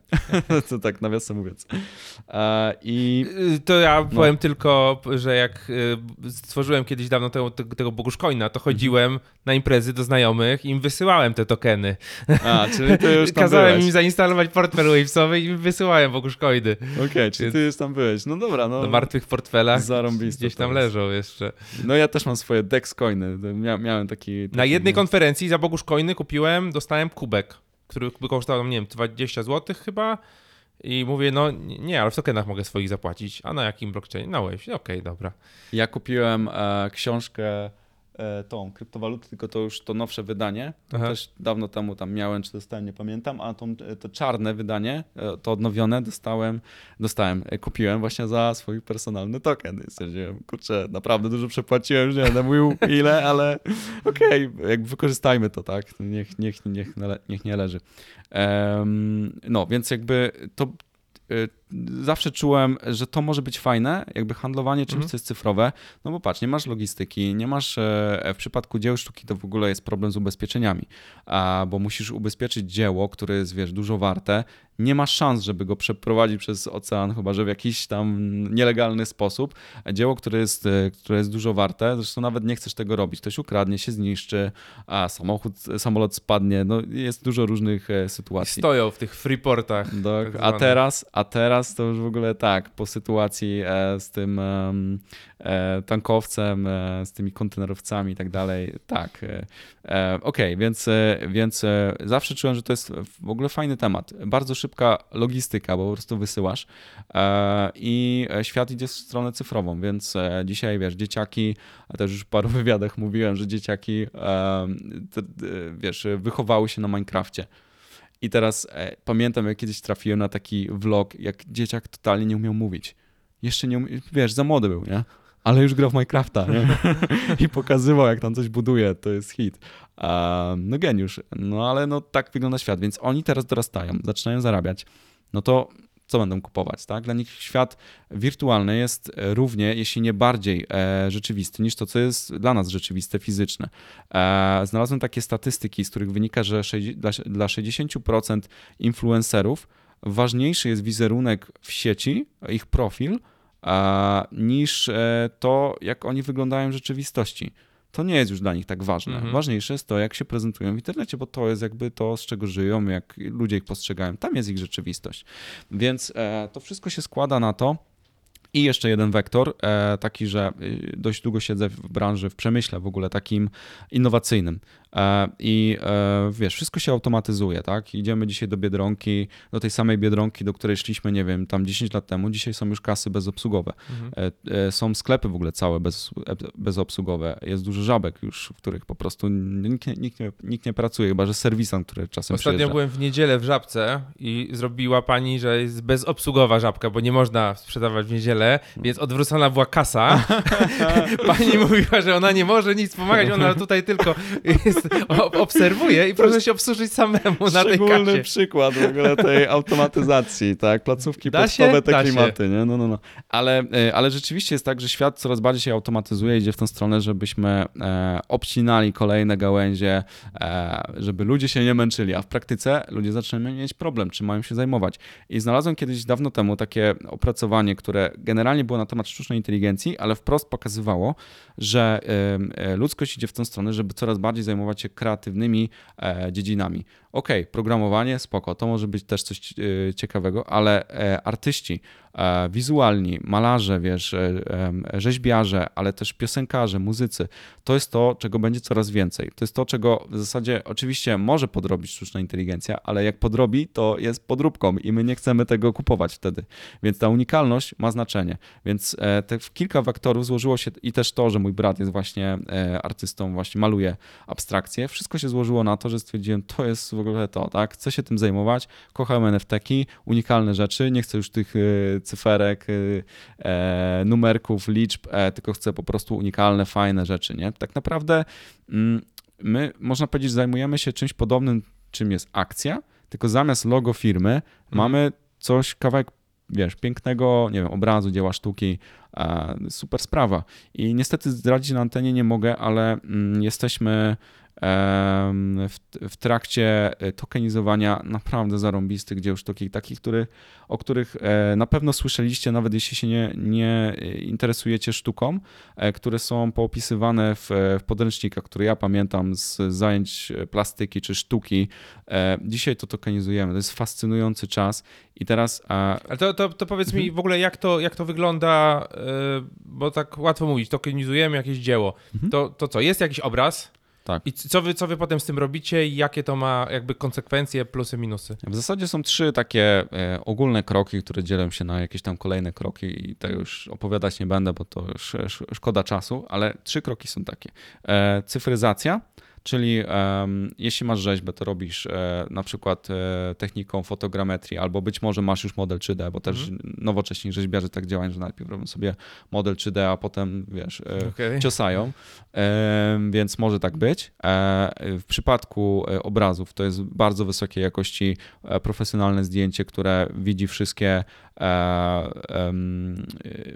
detale danego obrazu, jakieś tam mankamenty też. E, bardzo często jest to związane z tym, że wiesz, masz obraz, ale rama jest tą wartością, więc e, obraz jest w 2D, ale rama jest 3D. Albo na przykład mm. obraz jest niby w 2D, ale jak sobie go obrócisz w ten sposób, to widzisz go trochę inaczej, więc to, to zdjęcie trzeba w umiejętny sposób zrobić. E, I na przykład mój brat maluje tak, że bardzo często pozostawia jakieś grudki farb i to też jest 3D wtedy, no nie, więc to trzeba jakoś pokazać. E, tak więc e, to jest ten element cyfryzacji. Potem masz element atrybucji i dlatego właśnie mówiłem o tym, że świat web przyjdzie w stronę tego, żeby odcinać e, pośredników, a my ich zostawiamy. My e, potrzebujemy galerii, galerie, e, domy aukcyjne, muzea, inne instytucje. E, to są organizacje, które trzymają ten know-how i one oceniają, czy dany obraz rzeczywiście jest tym obrazem, e, o którym mówi artysta, bo też artyści bardzo często, wiesz, no może nie tak, nie chcę teraz z artystów robić oszustów, no mhm. no nie, ale, ale zdarzały się sytuacje, że artysta na przykład robił jakiś fake, coś podrabiał, robił plagiat, więc tutaj potrzebny jest e, ktoś, kto na przykład, nie wiem, studiował historię sztuki albo jakiś pokrewny kierunek i jest w stanie orzec jako profesjonalista, czy ten obraz E, czy, to, e, czy ta rzeźba rzeczywiście możemy ją raz wpuścić, dwa, czy jesteśmy w stanie to opisać. Bardzo często artysta już nie, nie, nie żyje, tak? Więc mamy sztukę dawną, e, mamy jakichś spadkobierców, trzeba to jakoś ocenić. To jest ten cały proces atrybucji.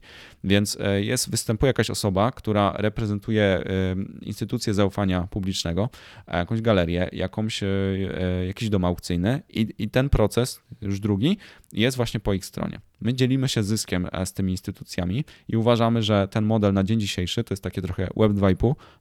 To jest e, coś, co ma sens, bo właśnie sztuka tak działa. Nie ma szans, żebyśmy dzisiaj zrobili fine art bez e, galerii i nawet nie chcemy. I trzeci krok to jest ta tokenizacja właściwa, czyli po prostu zamiana tych metadanych, które przed chwilą mieliśmy opisane przez mhm. profesjonalistę i e, obrazu, który został scyfryzowany, zeskanowany i tak dalej, e, zamiana po prostu w NFT-ka. E, I to jest tak w skrócie te trzy, te trzy kroki. To jest to, co robimy. I teraz na kanwie tego powstają e, zarąbiste innowacje, bo to, że dzisiaj e, NFT to jest obrazek, to jest dopiero początek rewolucji. Za kilka lat, może za rok, może być tak, że skrzyknie się trzech artystów, którzy w ogóle się nie będą znali, bo poznali się na Discordzie po swoich nikach. Jeden namalował tło, drugi namalował jakieś krówki, a trzeci namalował słońce, no nie? I jakby sumarycznie każdy z nich ma renomę, każdy z nich ma followersów. Mm. Wartość jest o wiele większa, nie? Więc e, powstaną nowe takie frameworki, takie e, wzorce projektowe, które ukreatywnią w ogóle samych artystów. E, my, my, tworzymy też, nasza platforma będzie czymś takim trochę jakby Spotify'em dla sztuki. E, więc będziesz mógł sobie nie tylko kupić e, dzieło sztuki, ale będziesz mógł na przykład wynająć dzieło sztuki albo kupić po to, żeby wynajmować. E, I teraz wyobraź sobie, że jesteś artystą, który zawsze marzył, jesteś z Warszawy, ale zawsze marzyłeś o tym, żeby wystawić się w Singapurze, bo interesuje cię tamtejsza kultura, no nie? Masz taką możliwość, bo jak wystawisz się na naszej platformie, to będziesz mógł to tamtejsze galerie sztuki, ale też na przykład galerie handlowe, jeśli wyrazisz na to zgodę, będą mogli, mogły wyświetlić to na swoich nowoczesnych ekranach, czy w ogóle instalacjach digital signage, albo na naszym ekranie, bo my tworzymy ekran w kształcie kwadratu. To jest nasza innowacja, że robimy kwadrat, bo sztuka idzie w stronę kwadratu w ogóle. Wszystkie NFT-ki to jest dzisiaj kwadrat. Dzisiaj nikt nie robi w takiej klasycznej ramie. Mhm. Dlatego Smartverum właśnie idzie w stronę łączy stare z nowym. To, co jest piękne, klasyczne, to, co wiesz, wywodzi z tego świata, właśnie z tej spuścizny historycznej, doceniamy to.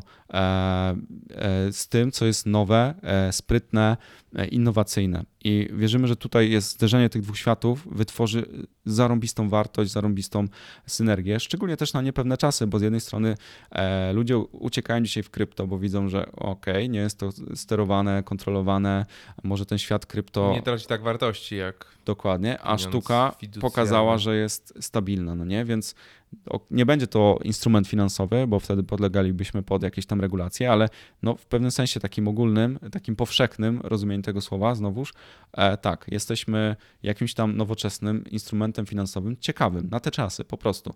Alternatywną e, inwestycją. Dokładnie. I teraz wyobraź sobie, że mm, nasze ekrany, które są przy okazji e, modułowe i bezramkowe, nie mają żadnej ram, e, ramki, tutaj puszczamy oko do Samsung Frame'a, że my jesteśmy, mhm. wiesz, frameless e, i kupujesz sobie takie 3 albo 4 albo nie wiem, 7, wieszać na ścianie, dopasowujesz do twojego wnętrza gdzieś tam i wyświetlasz swoją serię NFT-ków, takie, które posiadasz, albo takie, które chcesz na przykład na czas live'a wyświetlić, no nie? Mhm. I okej, okay, to idzie na antenę, nie? Więc jakby wszyscy widzą, że to się wyświetliło u ciebie, a ty to miałeś na chwilę, albo miałeś jakieś spotkanie, miałeś randkę, albo miałeś, kurczę, e, spotkanie biznesowe i chciałeś sobie Rembrandta na ten czas powiesić, masz taką możliwość. Po prostu my wierzymy, że branża muzyczna przeszła już przez tą e, rewolucję. Nikt dzisiaj nie mówi, wiesz co, ja słucham muzyki cyfrowej, e, okej, okay, a ja słucham muzyki E, klasycznej, w sensie tradycyjnie rozumianej. Klasyczna to jest tak, coś tak. innego. I teraz mamy, słuchamy muzyki. Jedni słuchają z gramofonów, inni słuchają ze Spotify, niż z Apple Music,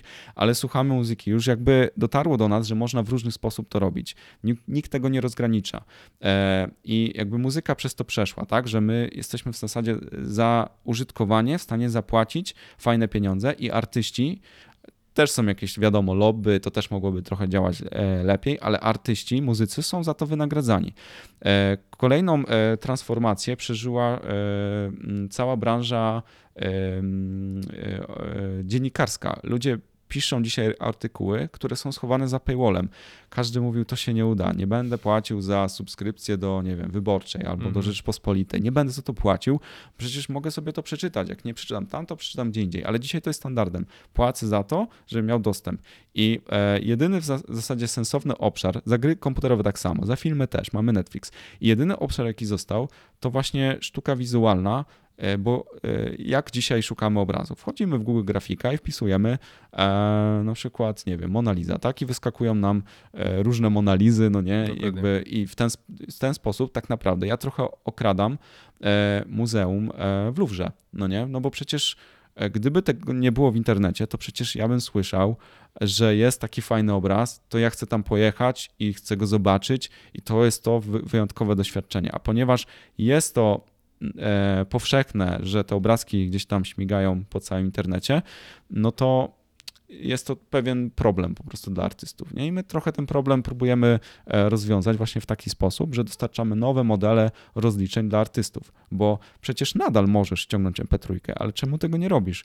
Bo przecież dla ciebie to nie jest problem zapłacić kilkadziesiąt złotych za to, żeby mieć dostęp do Spotify'a, który jeszcze przy okazji da ci algorytm i dopasuje do twojego gustu, albo wykryje, że ten, masz, ten dzień masz gorszy albo lepszy i, i e, zaserwuje taką muzykę jak trzeba. I to samo chcemy robić e, ze sztuką.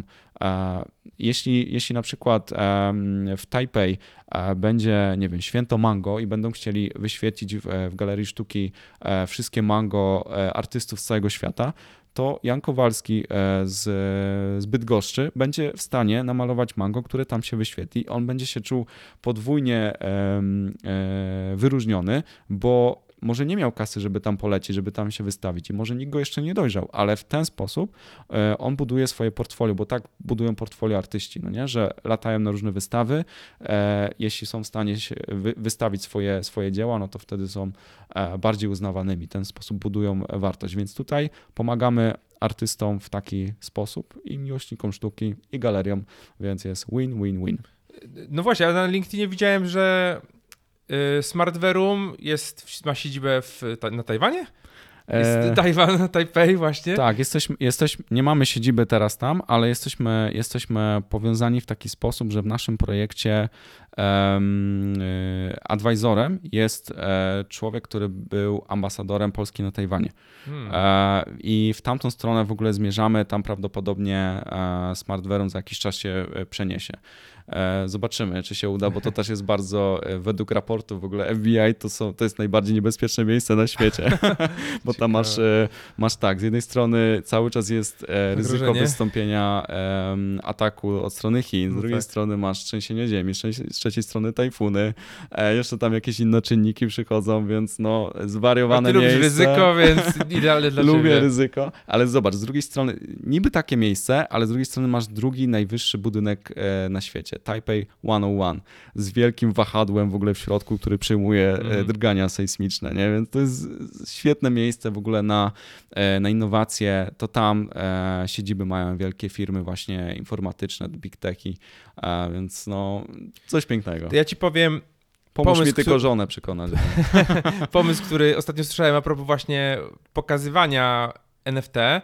Yy, możesz wdrażać, może 10% dla mnie, ale możesz wdrażać, nie ma problemu. Dobra. Yy, miejsca w knajpach, gdzie za stolikiem jest po prostu twój ekran, Mhm. tak? Przychodzisz, sobie siadasz przy stoliku, na stoliku masz wiesz, mały panel, jak chcesz to autoryzujesz i za tobą się wyświetlają twoje NFT-ki, które masz w portfelu, Wow. który tam podepniesz, nie? To dobre jest do klubu wręcz. e, No wiesz. i przykładowo, o, ten gość ma małpę, nie? Idę z nim pogadać, bo ja też mam na przykład. Ale to ja właśnie słyszałem w wywiadzie z chłopakami z e, Fancy Bears, że oni to pół żartem oczywiście mówili, tak, ale że jeden z nich wrzucił małpę na Tindera, wiesz, i, i, i teraz w sumie e, nie spotkał się z takim zrozumieniem, jak, jak, jak Tak. sobie to wyobrażał i stwierdził, że e, teraz to będzie się umawiał z dziewczynami tylko takimi, które mają miśki na profi, profile pictures, nie? Tak, wiesz, pół żartem, Tak. nie? Ale to w tą stronę świat idzie. Ja pamiętam, jak e, mm, dla mnie takim trochę zaskoczeniem było to, jak jeden z amerykańskich raperów, wiesz, już nie pokazywał Rolexa, tylko pokazał smartfona ze swoim, e, nie wiem, czy Apen, czy tam Tak. CryptoPunkiem, nie pamiętam, ale no tak się dzisiaj flexuje, no nie? Tak, tak, tak. I jak to, wiesz, Gary Vee mówi, że tutaj niby wszyscy się śmieją, że możesz zapisać sobie obrazek, wstawić gdziekolwiek, ale tak naprawdę świat ten NFT jest 100 razy bardziej wiarygodny niż świat e, wcześniejszy, gdzie pokazujesz zdjęcie z Rolexem, w, w Ferrari, w, nie wiem, w samolocie, nie? gdzie Tak. wszystko to możesz sfejkować, a jak mówisz, że masz Board Ape'a, tak, czy CryptoPunka, no to po prostu każdy jest w stanie to zweryfikować, czy to jest faktycznie oryginalny, e, oryginalny temat. Dokładnie. Więc e, już tak się zbliżając e, ku końcowi, powiedz mi, poleciłbyś jakieś materiały, podcasty, artykuły, książki? E, właśnie tak rozmawialiśmy, że kurczę, tych książek brakuje. Brakuje, tak, tak, więc e, brakuje książek, a gdyby były, to pewnie będą nieaktualne. Będą nieaktualne, chyba że E, e-booki takie wydawane na szybko. Tak, rozmawialiśmy, że ja właśnie e, bardzo dużo czytam, konsumuję dużo treści, ale mało jest w tym książek. Ostatnia książka, jaką czytałem, to był Atomic Habits Jamesa Cleara. Jest świetna, polecam. To jest w ogóle taki usystematyzowany sposób, jak podejść do swojej e, efektywności. Ale w temacie NFT to najbardziej polecam obserwować po prostu projekty e, i mało tego, kupić e, jakiś NFT, bo jak kupisz NFT, to dopiero zaczynasz myśleć tymi kategoriami. Ok, kupiłem, czyli co teraz, co mi to daje? E, może kupujesz inwestycyjnie, ale nagle się okazuje, że nie chcesz już sprzedać, czyli tak naprawdę Tak, nie było to inwestycyjne. tak, tak. Teraz masz benefity, więc e, to mogę polecić. Mogę polecić na Medium a, e, projekty i szczerze mówiąc, e, właśnie nie, no Garego na pewno mogę po, polecić, bo to jest osoba, która bardzo dużo w tym temacie e, mówi. E, jeśli chodzi o, o, o polski świat, to na pewno polecam obserwować projekt Unically, a prowadzony przez Chrisa Pertka. No niesamowita wiedza NFT-kowa, więc e, Krzysztofa... Okej, nie słyszałem o tym, więc... No, no, Krzysztof to jest e, mój numer jeden w Polsce, jeśli chodzi o wiedzę, jeśli chodzi e, w temacie NFT. Oczywiście chłopaków z Fanadice'a tak samo, e, niesamowity projekt i fajny, fajny międzynarodowy zasięg, więc to na pewno mogę polecić i nie znajdziesz wiedzy inaczej, na pewno nie przez e-booki, przez audiobooki w tym momencie, Mhm. niż przez Twittera i przez Discorda. W ogóle nie ma szans. Nie ma innej możliwości. E, I, I podcasty z founderami różnych projektów, gdzie na bieżąco to wychodzi, nie? tak, tak. Tak jak my teraz rozmawiamy, Dokładnie. ktoś to będzie mógł posłuchać tam za, za dwa tygodnie. Dokładnie, więc na, tak, na YouTubie jest dużo fajnych, e, fajnych podcastów.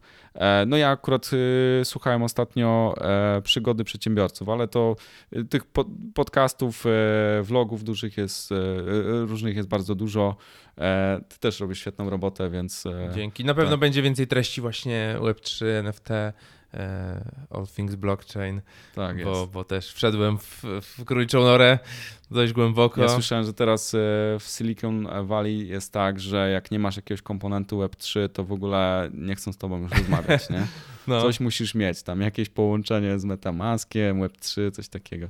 tak. no. Ja też w moim startupie aktualnym Mailinger też będę pewno implementować, będziemy implementować jakieś rzeczy związane z tym, bo, e, bo to jest, wydaje mi się, no, gruba rewolucja. Tak jest. Gruba rewolucja. Bartek, gdzie cię można jeszcze znaleźć w sieci, jak ktoś No chciałby ja się właśnie jestem tak tradycyjny na LinkedInie i tam mam największe zasięgi, ale staram się zbudować e, Twittera, bo to jest to miejsce, w którym powinien być najbardziej. Ale no, prawda jest taka, że taki mój główny komunikator to jest LinkedIn, ale ogólnie jestem wszędzie, no tak jak my wszyscy. No, I w nie? Board Founders Clubie. Mm, Tak, zdecydowanie, więc tutaj od tej strony Już, już wkrótce będziemy, Bogusza. będziemy e, mintować nasze pierwsze founderskie Musimy NFT. powymyślać, pomyśleć jakieś jeszcze dodatkowe fajne rzeczy, mam parę pomysłów. Zdecydowanie. E, to będzie gruby koncept. Zdecydowanie. Dziękuję Ci serdecznie za rozmowę i do usłyszenia. Dzięki bardzo, cześć, hej. I to już koniec dzisiejszego odcinka. Dziękuję serdecznie za wysłuchanie. Mam nadzieję, że odcinek Ci się podobał. Jeżeli oglądasz to na YouTubie, daj komentarz, daj łapkę w górę. Będzie nam bardzo miło. Jak chcesz o coś zapytać, to również e, pytaj. E, Jak słuchasz tego w formie podcastu, to będzie nam super miło, jak podzielisz się tym, na przykład na Instagramie, oznaczając mnie, Bogusz Pękalski, e, czy, czy Bartka. E, I będzie, pokaż, pokaż po prostu nam, jak słuchasz. I oczywiście, jeżeli interesujesz się tematem NFT, technologiami, to już niedługo będzie można zdobyć nasze NFT, e, NFT Board Founders Clubu, który zrzesza innowatorów, ludzi, którzy myślą inaczej, e, osoby, które chcą budować e, przyszłość w takiej formie właśnie Web3. E, Więc to wszystko znajdziesz na boardfoundersclub.com. No i to tyle. Także dziękuję jeszcze raz i do usłyszenia w kolejnym odcinku.